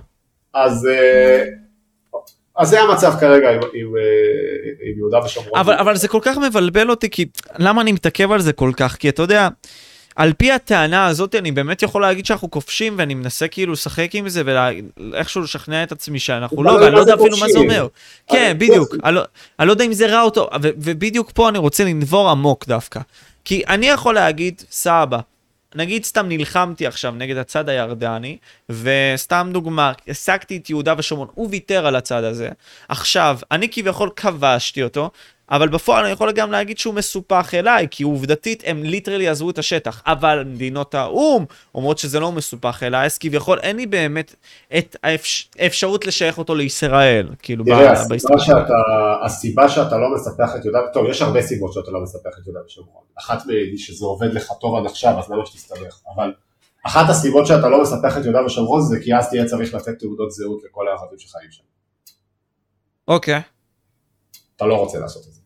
נכון. זה יותר קל לך להתנהל ככה עם השטחים של ה-A, B. עכשיו, תחשוב על זה, אני מחזיר אותך רגע להיסטוריה של מדינות שכבשו. מה עשתה ארצות הברית ביפן? מה עשתה ארצות הברית בגרמניה? מה כן. עשתה רוסיה ב... לא יודע, בפולין, בצ'כיה? מה הם עשו? גם אם הם לא סיפחו, מה הם עשו? הם שלחו את הצבא, הם השתלטו על מוקדי הכוח והם עיצבו את הדמות של המדינה כך שהיא תתאים להם כמה שיותר. נכון? ואז ב- ברגע שסיימת עם זה, אתה עוזב. נכון. מה עושה צה"ל ברצועת עזה וביהודה ושומרון? בדיוק את זה. הוא דואג שהמציאות תתאים לנו הכי טוב שאפשר. איך הוא עושה את זה? על ידי זה שהוא מקשה על הפלסטינים להילחם בנו. Mm, אוקיי. הבנתי את זה צה"ל עכשיו. כן. מה צה"ל עושה ביהודה ושומרון? תכלס הוא פשוט מגן עלינו מה, מהצד הערבי נכון. כביכול של עכשיו הסיפור. הם, יראו, הם רואים בזה כדיכוי. כסוג של, כאילו, אולי- בצדק, אבל הם רואים בזה כאתם באים וגומרים אותנו. הגבלה על חופש התנועה הם אומרים, כל מיני אתם דברים כאלה. כן, אבל, אבל צה"ל עושה את תפקידו. בסופו של דבר, התפקיד של צה"ל זה להגן על אזרחי ישראל ועל שטחי ישראל. הבנתי. אז, אז אם אנחנו שוב פעם נסכם את זה, כיבוש זה סיטואציה כביכול שאמורה להיות זמנית, או במקרה שלנו לא זמנית. בעיקרון ככה אנחנו מתנהלים עם הסיטואציה, אנחנו נותנים בעצם להם להתקיים ולחיות כפי שהם רוצים, אך אנחנו ממש... כאילו במקרה שלנו, שמים צבא בשביל לנהל אותם. לא לוקחים עליהם את האחריות, כי הרי זה סיפוח, אתה לוקח עליהם את הבעלות ואת האחריות, ואתה הופך אותם כחלק מאזרחי המדינה. נכון. אוקיי. אני, אני, תראה, אני, אני לא, אני, אני אומר נכון בכללי, אבל זה שאמרת שאנחנו נותנים להם לחיות כמו שהם רואים לנכון, זה לא נכון. נכון, כן, כן, כן, כן, אבל, אני מבין. אבל אנחנו, כן, אנחנו מנסים, אנחנו, הצ- הצבא נמצא שם, כי זה בעצם המקום הכי טוב שלו להיות. אגב, עוד דוגמה לכיבוש שהוא לא סיפוח. מה, זה, מה הייתה מלחמת לבנון? מה זה היה אה, ה- ה- אה, שישראל נכחה בתוך לבנון עד שנת 2000? מה, סיפחנו את דרום לבנון לישראל? לא, נכון? צה"ל פשוט ישב שם, נכון? כי, היה לו, כי למדינת ישראל, מדינת ישראל האמינה שיש אינטרס שצה"ל יושב שם ויגן על המדינה. כן, נכון? אז, אז אה, אסטרטגית, כן. ככה זה. מעניין, עכשיו זה הרבה, הרבה יותר מסתדר לי, ואני עכשיו מבין יותר את ההסתכלות הפלסטינית, ואתה יודע, באמת אני יכול להבין אותה מצד אחד, אבל מצד שני אני מסתכל עלינו ואומר, זו זכותנו הקיומית לעשות את הדבר הזה, בשביל שאנחנו נמשיך לשרוד, ומעבר לכך גם נצליח כמה שיותר לחיות בצורה שהיא טובה.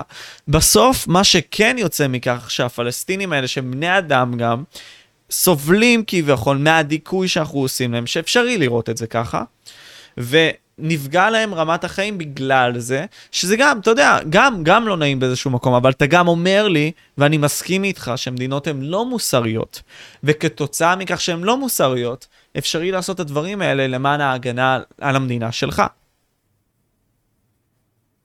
אני לא יודע כמה נוח לי עם הטיעון הזה שמדינות הן לא מוסריות, אבל נראה, נראה לי שזה נכון, אבל אני, זה לא משהו שאני... אבל אני כן מסכים איתך, כי אתה, בוא ניקח את זה לבני אדם, בסדר? אתה, נגיד דורן, אוקיי? נמצא עכשיו בסיטואציה של, בוא נגיד ככה, הגנה, לא, לא, וואי, אני רוצה להגיד הגנה למשפחה שלך. אני דווקא טוען שבני אדם הם כן מוסריים ומדינות הן לא. זה נראה יותר הגיוני. אני לא יודע עד כמה אני יכול להסכים איתך עם הטענה הזאת. השאיפה של בני האדם היא מוסריות, אבל בני האדם שמצליחים, או מנסים להתקיים ולהגיע רחוק, הם לא מוסריים. לא כדוגמה, לא אנשים... אוקיי, אז, אז, אז בואו בוא, בוא ננסה להעלות את זה לטיעון, כי איך שאני רואה את זה, קודם כל על פי יוצרי תוכן, מעבר לכך גם זמרים, מעבר לכך גם אנשים שהם בביזנס והכול, המקום שממנו הם מייצרים את האומנות שלהם בשביל להצליח בחלק גדול מהמקרים בא ממקום לא מוסרי. כלומר, בשביל שאני אוכל לגדול ולהתפתח, אני צריך להיות האריה הזה שעולה על האחרים, ולא חושב בהכרח על השלוחות המעשה שלי. אם אני נגיד סתם קרדי בי, או ניקי מנאז' כדוגמה, בסדר? שהן מדברות על כל המיניות הזאת ו-over sexualization, במקום מסוים, זה דבר שפוגע מאוד בדור שלנו, וכתוצאה שהוא פוגע בדור שלנו, לפחות איך שמעבירים את המסר הזה, זה לדעתי לא מוסרי. אפשרי לדבר על מה זה מוסרי ומה זה לא, נכון, אני מבין. אבל אבל... הן לדעתי יטענו שזה כן מוסרי, שיש להם מסר מעצים, לדעתי. נכון, בזה אני מסכים. מוסר זה סובייקטיבי. זה תלוי... זה באיזה... תלוי כמובן באיזה דברים, כן, מסכים איתך, נכון. תלוי באיזה גישת מוסר אתה נוקט, אבל... תראה, תחשוב על זה ככה, בסופו של דבר, בשביל להצליח, אתה צריך לתת, בשביל להצליח לאורך זמן, אוקיי? אתה צריך לתת ערך לאנשים, בסופו של דבר. זה נכון שלא בכל המקרים ולא זה, אבל בסופו של דבר אתה רוצה למכור דברים, אתה רוצה להתעשר, אתה רוצה פה, אתה רוצה שם, אתה צריך לתת ערך לאנשים. זה א', וזו פעולה מוסרית, בעיניי. ב', בשביל להיות מסוגל להמשיך ולתקשר עם אנשים כדי לתחזק את האימפריה הזו שבנית,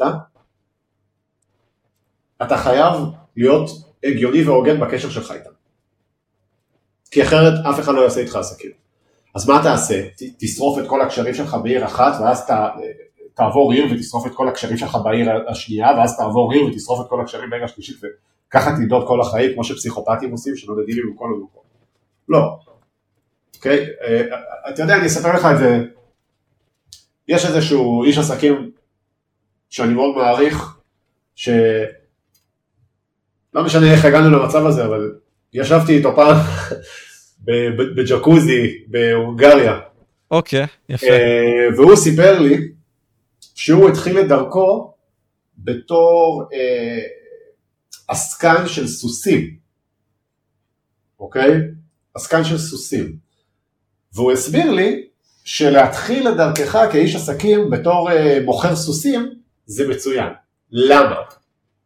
כי לסוסים אין מחירון.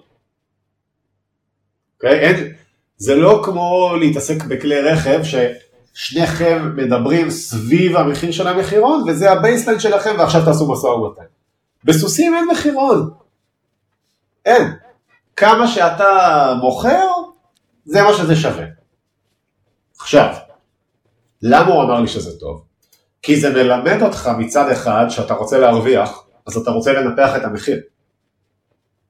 אבל מצד שני זה מלמד אותך שהאנשים שקונים סוסים, זו לא קהילה כזו גדולה בארץ. אז אם אתה תתחיל לדפוק פה עכשיו אנשים, הם לא יחזרו אליך ויקנו סוס. נכון? אז הוא, מה שהוא טען זה שזה לימד אותו את האיזון העדין של לעשות ביזנס כך שמצד אחד אתה מרוויח, אבל מצד שני הלקוחות שלך מרוצים מהקשר איתך ומרוצים מהעסקים שהם עושים איתך והם חוזרים אליך. אתה מבין okay. למה זה שאין מכירות זה כאילו מפתח את זה? נכון. כי אתה עובד פה נטו על אמון ועל שביעות רצון של אנשים. מערכות יחסים. כן, לא, גם מערכות יחסים, גם ואתה צריך להראות שלא דפקת אותו, ושהיית הוגן, ושהוא לקח את הסוס אחרי זה והלך הביתה ודיבר עם חברים שלו ולא הגיע ל, ל, למסקנה שדפקת אותו, אוקיי? ואז הוא יחזור אליך, וגם אתה הרווחת, וגם הוא הרוויח כי עובדה שהוא חזר אליך.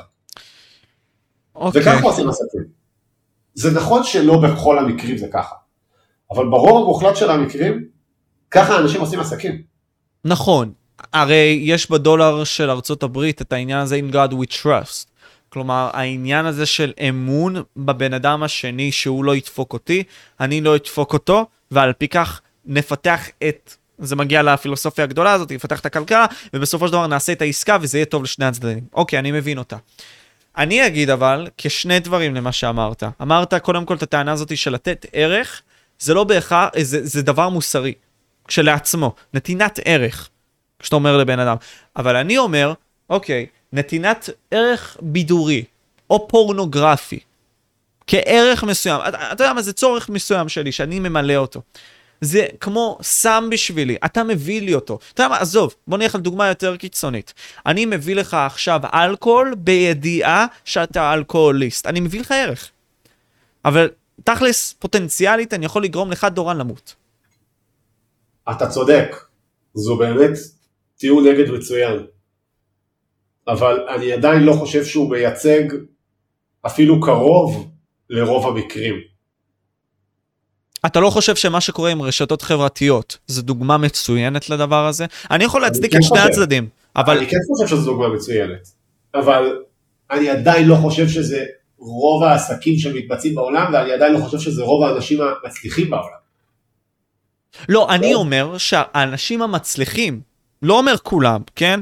אני אומר שחלק ממניעת היסוד שלהם, או יותר נכון, מהאפשרות שלהם למכור את המוצר ללקוח, בא ממקום גם לא מוסרי, אולי המניעה שלהם, אבל זה לא משנה, אבל מה שהם עושים גם הוא לא מוסרי כשהם מציעים את זה ללקוח. נגיד סתם, בוא, בוא נתאר סיפור יפה כזה, אני בא ונכנס לטלפון, אני אזרח מטומטם, בסדר? ונכנס לאינסטגרם, בסדר, לטיק טוק, בסדר, אני אקבל את הערך הבידורי שם, אני לא משלם על זה, אבל הם כן עוקבים אחריי במקום מסוים.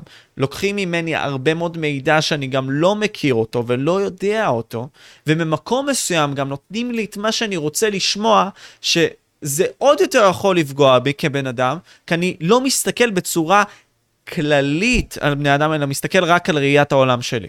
ומאכילים אותי בה, וזה בסוף יכול לגרום לסיטואציה לא טובה, כי אני מסתכל רק על הקיצון, כי זה לרוב מה שמציגים ברשתות. שמע, האם הבן אדם שעומד מאחורי זה, בהנחה שזה בן אדם כאילו שעומד מאחורי זה, ולא איזושהי מערכת. נכון הרעיון, בוא נגיד ככה, לא עכשיו... אה, הרעיון, אני לא חושב שהוא הכי מוסרי, אני עדיין לא חושב שהוא רוב הביזנס שמתבצע בעולם. ובנוסף, אה, יש פה עוד דיון שלם שאני לא חושב שיש לנו כבר זמן להיכנס אליו, אבל... אוקיי. Okay. יש פה עוד דיון שלם על מה האחריות שלך, איפה נגמר, איפה נגמר החופש שלך, אתה מבין? איפה אתה בתור צרכן, זה שאני הצעתי לך שירות ואתה לקחת אותו, כמה זה בעיה שלי שהצעתי לך וכמה זה בעיה שלך שלקחת. אוקיי, okay, האחריות שלי בערך שאתה נתת לי, כי בסוף יכולתי להימנע ממנו. וכמה אני חופשי, אתה אומר לי בסופו של דבר לבחור את אותו דבר שאתה הצעת לי. שזה גם, אה, אתה יודע, בסופו של כן. דבר צריך להתעמק על זה. אתה גם יכול לא לפתוח את הטלפון, אני יכול לספר לך נגיד על עצמי, לי יש טיימר על האינסטגרם. האינסטגרם שלי יכבה אם אני אהיה בו יותר מרבע שעה. יפה, אוקיי.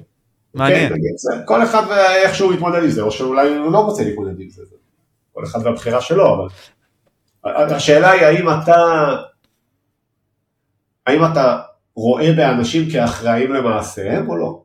וזה, ונגזר מזה המון אגב, מהתשובה שלך. נכון, אבל אתה מבין, אם נשליך את זה למדינה, וניקח את זה לשם, אנחנו לא דיברנו במקום מסוים אם אני חי במוסריות או לא, אלא התנהלות המדינה עצמה. ואני מדבר על אותם אנשים שמשפיעים, האם הם מוסריים או לא.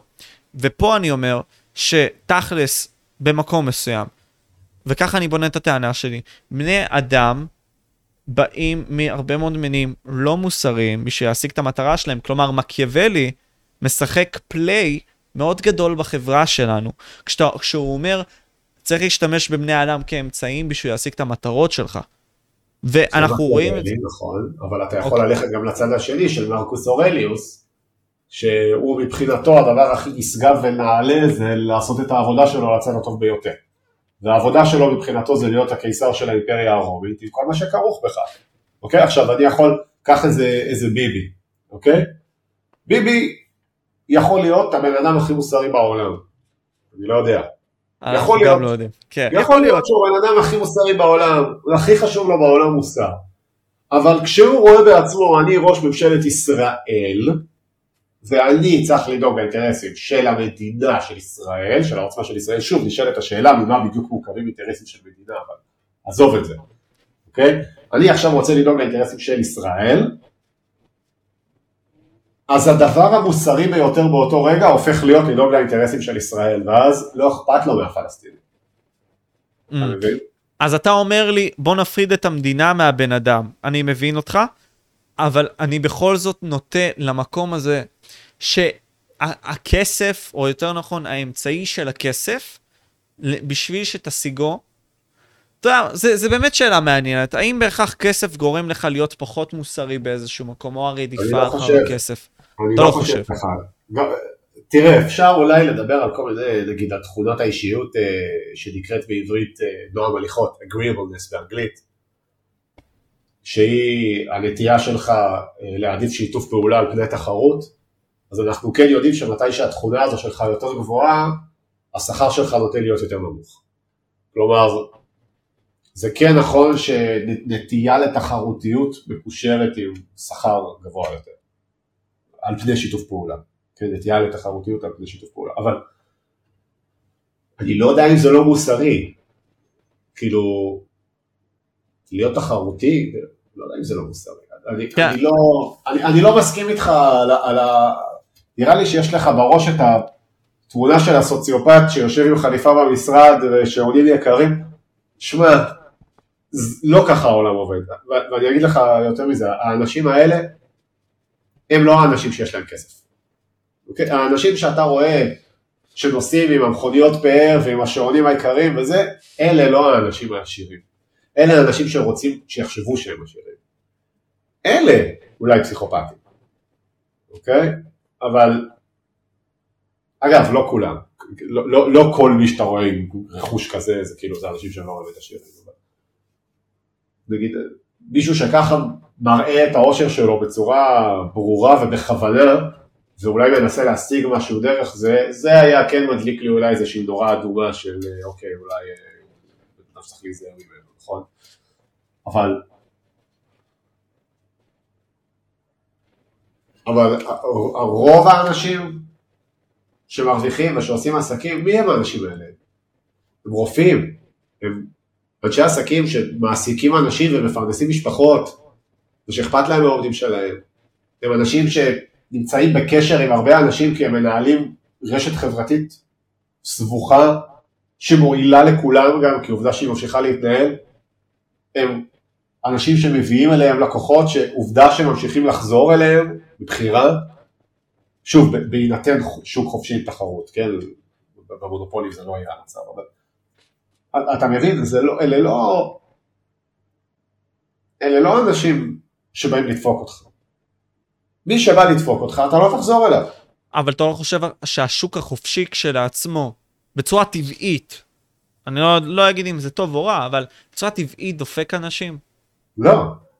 אתה לא חושב ככה? כי הוא נותן לך את החופש, לבחור. ואתה אומר אז שבסופו של דבר, אוקיי, גם אם הטבע כביכול הוא רשע, יש לך את האפשרות לבחור את הטבע הפחות רשע.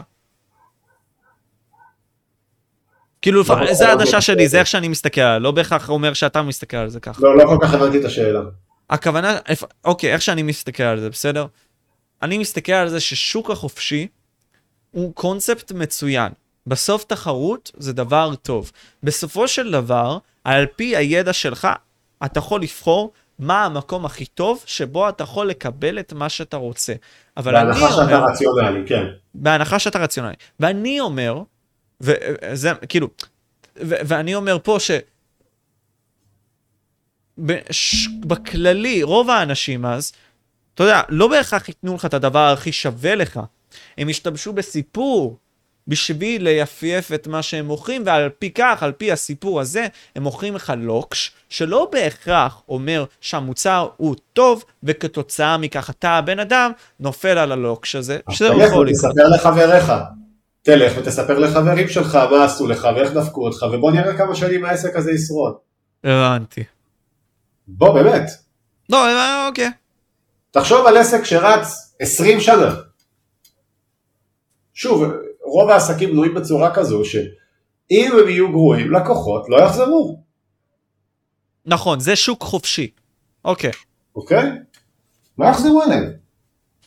ואתה יודע, אפשר לטעון שהשוק החופשי הוא, הוא סוג של אל, אלטרואיזם כפוי, נכון? בגלל שהוא אומר, אלטרואיזם בכפייה, בגלל שהוא אומר לך, אה, אה, ידידי היקר, או שתמצא דרך לגרום, תמצא דרך להביא ערך לאנשים, או שתגווע ברעב. אוקיי.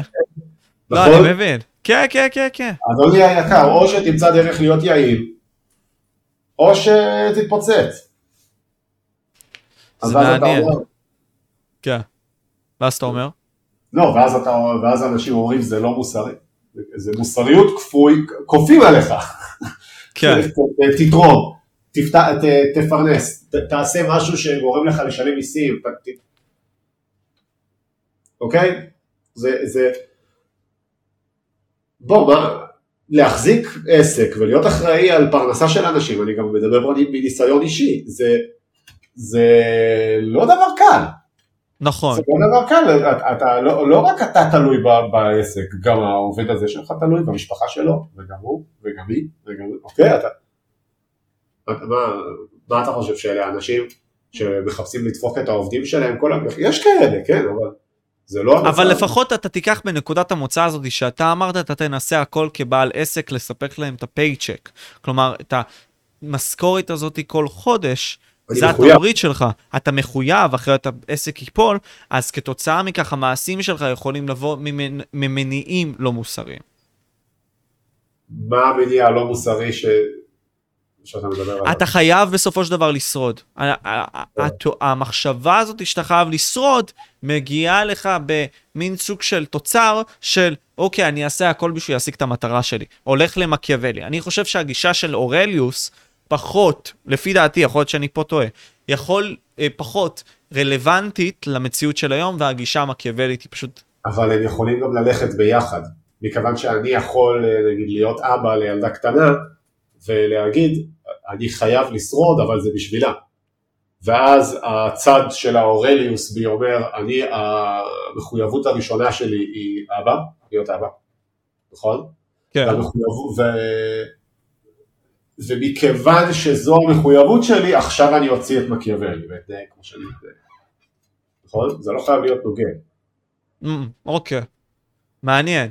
מעניין השיח הזה, אני אוהב את זה, אבל אה, נראה לי אנחנו נצטרך כזה לעצור אותו, כי אה, בסופו של דבר זה כאילו, הכל איך שאתה תופס את המציאות, ומה זה טבע אנושי? כלומר, איך אתה מבין את הטבע האנושי? איך אתה בעצם מ- ב- לוקח את הבן אדם, מוריד ממנו הכל ומבין מה הטבע שלו. מעניין. הרבה אנשים. ניסו לעשות את זה, פילוסופים גדולים ניסו לעשות את זה אה, במהלך ההיסטוריה, אני חושב שהיו ניסיונות יותר ופחות טובים. אה, בגדול יש שתי גישות קיצוניות, אני אציג רק את הגישות הקיצוניות, והאמת כנראה נמצאת איפשהו באמצע. אוקיי? אז הגישה הראשונה היא הגישה האובזיאנית של אה, תומאס הובס, פילוסוף אנגלי, מאה ה-17 לדעתי, אוקיי? אה, והוא אומר דבר כזה, הטבע האנושי איום ונורא, אלימות מטורפת, קח עכשיו בני אדם, תפשיט אותם מה, מהכל ותזרוק אותם בשטח, יהיה לך באטל רויאל, משחקי הרעב, סבבה? אה, חיים קצרים, אלימים ו... nasty British and short, אני לא זוכר איך מתרגמים את זה לעברית, זה, זה הציטוט המפורסם אבל שלו. עכשיו, אם זה טבע האדם, מדינה חזקה וריבון זה הכרח. אפילו דיקטטורה עדיפה על המצב הטבעי, אם זה באמת המצב הטבעי, נכון? כי בא ריבון ואומר, אדוני, מעכשיו אני שולט עליך, כולכם עכשיו חייבים להסתדר, אחד עם השני, צחקו יפה, ומי שמעז לא לשחק לפי התנאים, אני מוריד לו את הראש. נכון? עכשיו, אם המצב הטבעי שלך הוא באמת כזה רע, אתה עדיין תעדיף דיקטטורה. ברור שעדיף דמוקרטיה ושגשוג וזה, אבל אם באמת המצב הטבעי של בני אדם הוא כזה רע, אתה תעדיף דיקטטורה על פני אנרכיה. כי אתה יכול לתעל אותו למשהו יותר טוב מאשר המצב הטבעי. כי, כי אתה תהיה כל הזמן בהישרדות במצב של אנרכיה. אתה לא מסתדר באמת עם אף אחד. אוקיי? כן. אז זו הגישה הראשונה לגישה של הוץ. אה, היא גם קצת יותר מתאימה לגישה הדתית, לפחות הנוצרית, כאילו כל הדת, כן? היצר האדם רע מנעוריו. או הנצרות שיש לך את החטא הקדמון ואתה צריך את הכנסייה, לפחות אם אתה קתולי בשביל כאילו להתקדם. אוקיי, אז זה נגיד יהיה, זאת נגיד תהיה תפיסה אופסיאנית, קיצון אחד. נלך לקיצון שלי, ז'אן ז'אק רוסו. אתה שומע אותי? איבדתי אותך. אמת, לא, אני, אני שומע אותך. סבבה, אבל אתה איבדת אותי? לא איבדתי אותך, שמעתי אותך בז'אן ז'אק רוסו. סבבה, אז אה, סבבה, אז אה, ז'אן ז'אק רוסו, הגישה השנייה. ז'אן ז'אק רוסו טוען את ההפך מהובס. ז'אן ז'אק רוסו אומר, טבע האדם הוא טוב, האדם הוא מטבעו טוב, אה, מה שעושה אותו רע זה החברה, אבל מטבעו כאדם פראי הוא טוב. עכשיו, אם הגישה של רוסו נכונה, אז ריבון זה לא דבר טוב, בגלל שאם החברה היא מה שמשחיתה אותנו, עדיף לנו שלא תהיה חברה. אתה מצליח לראות את זה?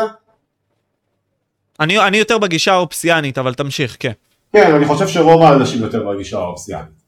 אבל, אבל הטענה בעצם היא, אם טבע האדם הוא טוב, ריבון זה דבר מיותר וחוקים זה דבר מיותר ובכלל חברה זה דבר מיותר. אנרכיה זה דבר טוב בגדול. כן, כי אנשים טובים הם יסתדרו כל עוד לא תשימו אותם ביותר מדי חיכוך שהם יתחרו אחד עם השני, שזה מה שרוסו טוען.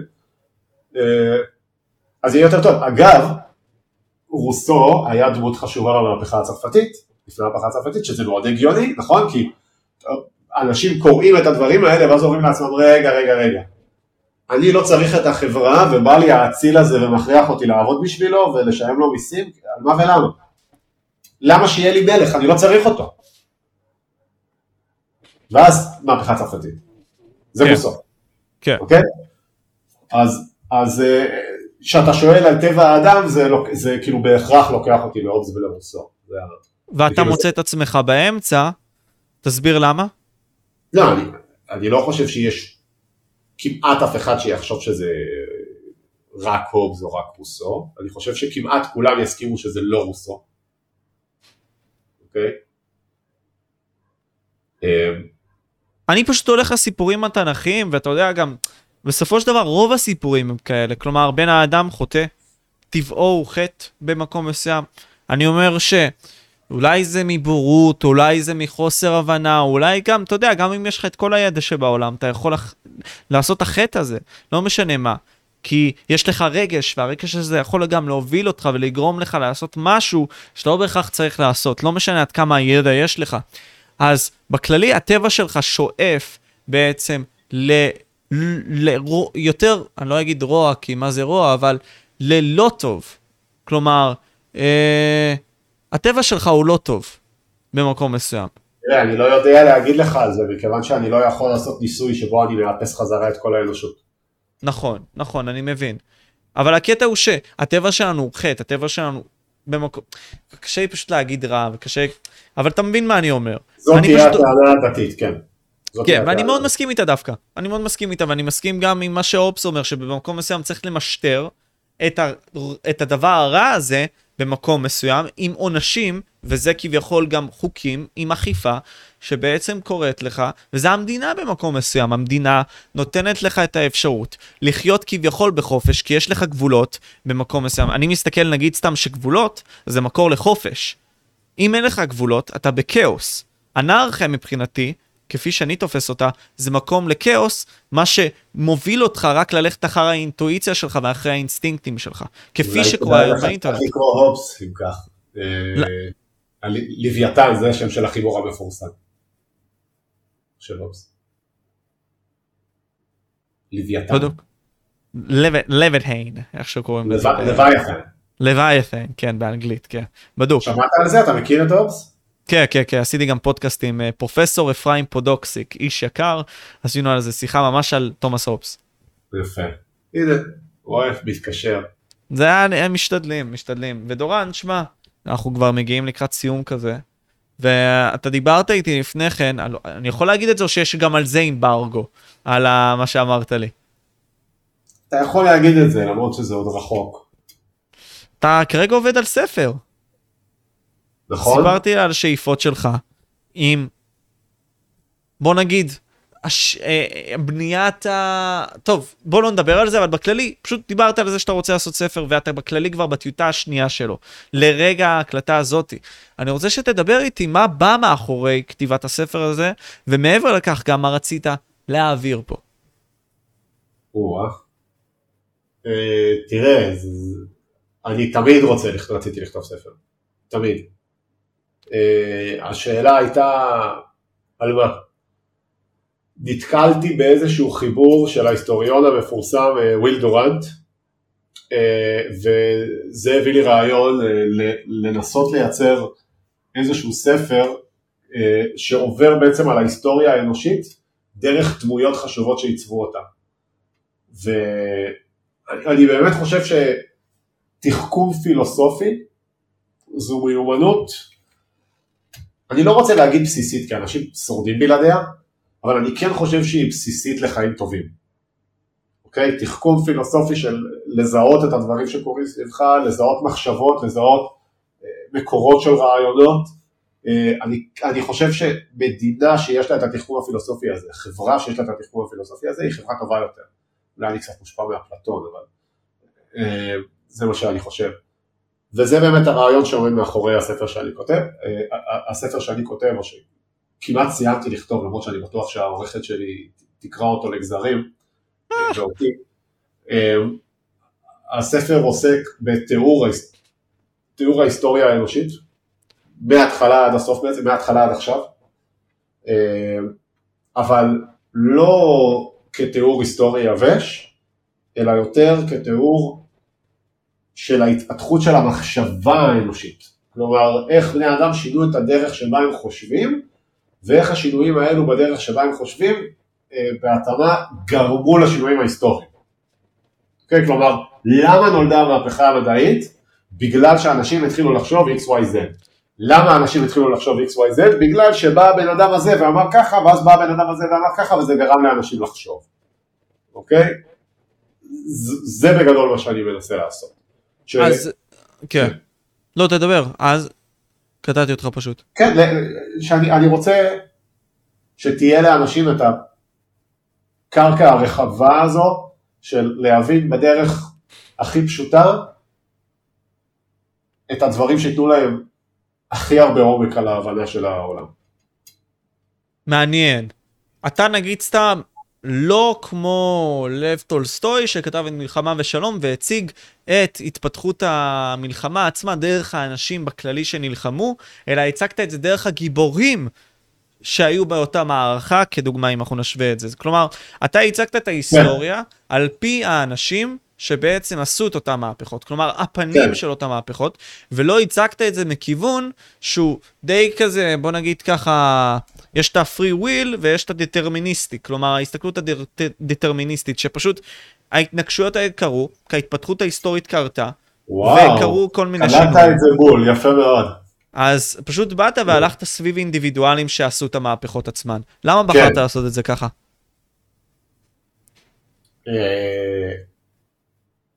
אני חושב, כי אני חושד שזה נכון, זו הסיבה הראשונה שבחרתי לעשות את זה ככה.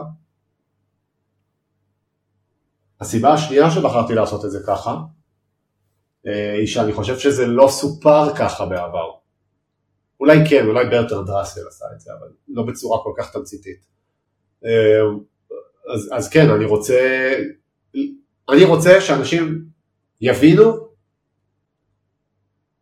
למה בלי אפלטון לא הייתה חברה מערבית, למשל. וואו, מעניין. בלי... לא היה. נכון. בלי סוקרטס אפשרי להגיד גם. אני רוצה להגיד אפלטון, כי, כי סוקרטס אני, אני לא בטוח, אנחנו לא יודעים בוודאות שום דבר על סוקרטס חוץ מזה שהוא היה מכוער ושהוא היה קיים. ושאפלטון שיבח אותו ודיבר עליו טוב. כן, כי, כי הסוקרטס שאתה מכיר הוא בעצם הסוקרטס מהכתבים של אפלטון, נכון? אמת, נכון, הוא לא כתב שום ספר ממה שאני מכיר. נכון, אז הסוקרטס, כאילו הדבר, הדברים היחידים שאנחנו באמת יודעים עליו זה שא' הוא היה קיים, ב' הוא היה מכוער. זה, זה הדברים היחידים שכול, שכולם מסכימים עליהם. בפשטות, מעניין, מעניין. לא, באמת, כל, כל, כל ה... יש לך, נגיד, אה, יש איזשהו אה, מחזאי יווני קלאסי בשם אריסטופנס. הוא כתב מחזה מפורסם שקוראים לו העננים. המחזה הוא סוג של עוסק בלרדת על סוקרטס, אוקיי? ומאוד היה חשוב לו להבליט את זה שסוקרטס מכוער. ובהרבה דיאלוגים כאילו מודגש שכן סוקרטס מכוער וכולם יודעים עליו שהוא מכוער, מה לעשות? אז, אז את זה אנחנו יודעים עליו. אנחנו יודעים, אתה מבין מה זה שטחיות אנושית, אנחנו יותר יודעים על בן אדם, מה דיברו על סוקרטס? שהוא חכם? לא, שהוא מכוער. שהוא מכוער, זה הזוי, כן. ומעניין אותי לנבור בגישה שלך, ואתה יודע, גם, יכול להיות שגם באמת אני גם מסתכל עליה ככה, כי תסתכל, טוב, למרות שזה מאוד מסובך להגיד במקום מסוים, על בן אדם מסוים שבזכותו או בגללו קרה משהו ספציפית, אני שזה אגיד-. אני ברור. אגיד שנניח, בוא נלך על רצח מומר קדאפי, בסדר? ב- בלוב, בליביה, באותה תקופה. בגלל הרצח שלו, טוב, זה מאוד מורכב לבוא ולהגיד למה לא קם מישהו יותר טוב ממנו, אם בכלל ההיסטוריה בנויה על רצף רעיונות של אנשים. כלומר, התנועה הזאת הייתה אמורה לקום לבד, אם היא לא הייתה תנועה באנשים אינדיבידואליים. הרי אם אנחנו הולכים לפי הגישה הזאת, הדטרמיניסטית. אבל אני כן מסכים איתך שאנשים אינדיבידואליים במקום מסוים כן עושים את השינויים האלה, וזה מעניין למה הם עושים, איך זה קורה בפועל. מעניין. תשמע, אני חושב שזו שיחה שעדיף שננהל אחרי שהספר יצא לאור ואחרי שאתה כבר קראת אותו. אמת, אמת, ובכללי אני, אני חושב שזה, אתה יודע, דרך מצוינת לסיים את השיחה, בלי קשר, נעשה את הרעיון כבר שיצא הספר לדעתי. אני חושב שהתעמקנו באמת בצורה טובה, דורן, כמו שאתה פשוט יודע לעשות, אין מה לעשות, הדרך הקלה, אתה מספר את זה בתכלס, בדוגרי, בקצרה, ואני מאוד מעריך אותך, אחי. אני נראה לי אומר לך את זה כל הזמן כשאני רוא- יוצא לי לדבר איתך, אבל אני מאוד מעריך אותך, ומקווה שבאמת הספר הזה וכל התוכניות שסיפרת לי לפני התוכנית, שלא יודע אם אני יכול לשתף בלי קשר, יצאו לפועל, ומעבר לכך גם יצלחו יותר מהמחשבה שלך והרעיונות שלך. תודה רבה, אני גם מאוד מעריך אותך ואני תמיד מחכה לראות לאן לא תגיע. תודה רבה, תודה רבה דורן. יאללה חבר'ס, אנחנו היינו פה, משה, דורן, הדרך הקלה. תעקבו למטה, יש הרבה מאוד גם לינקים, קישורים וכל מיני דברים כאלה. בלי קשר, תעקבו. יאללה ביי.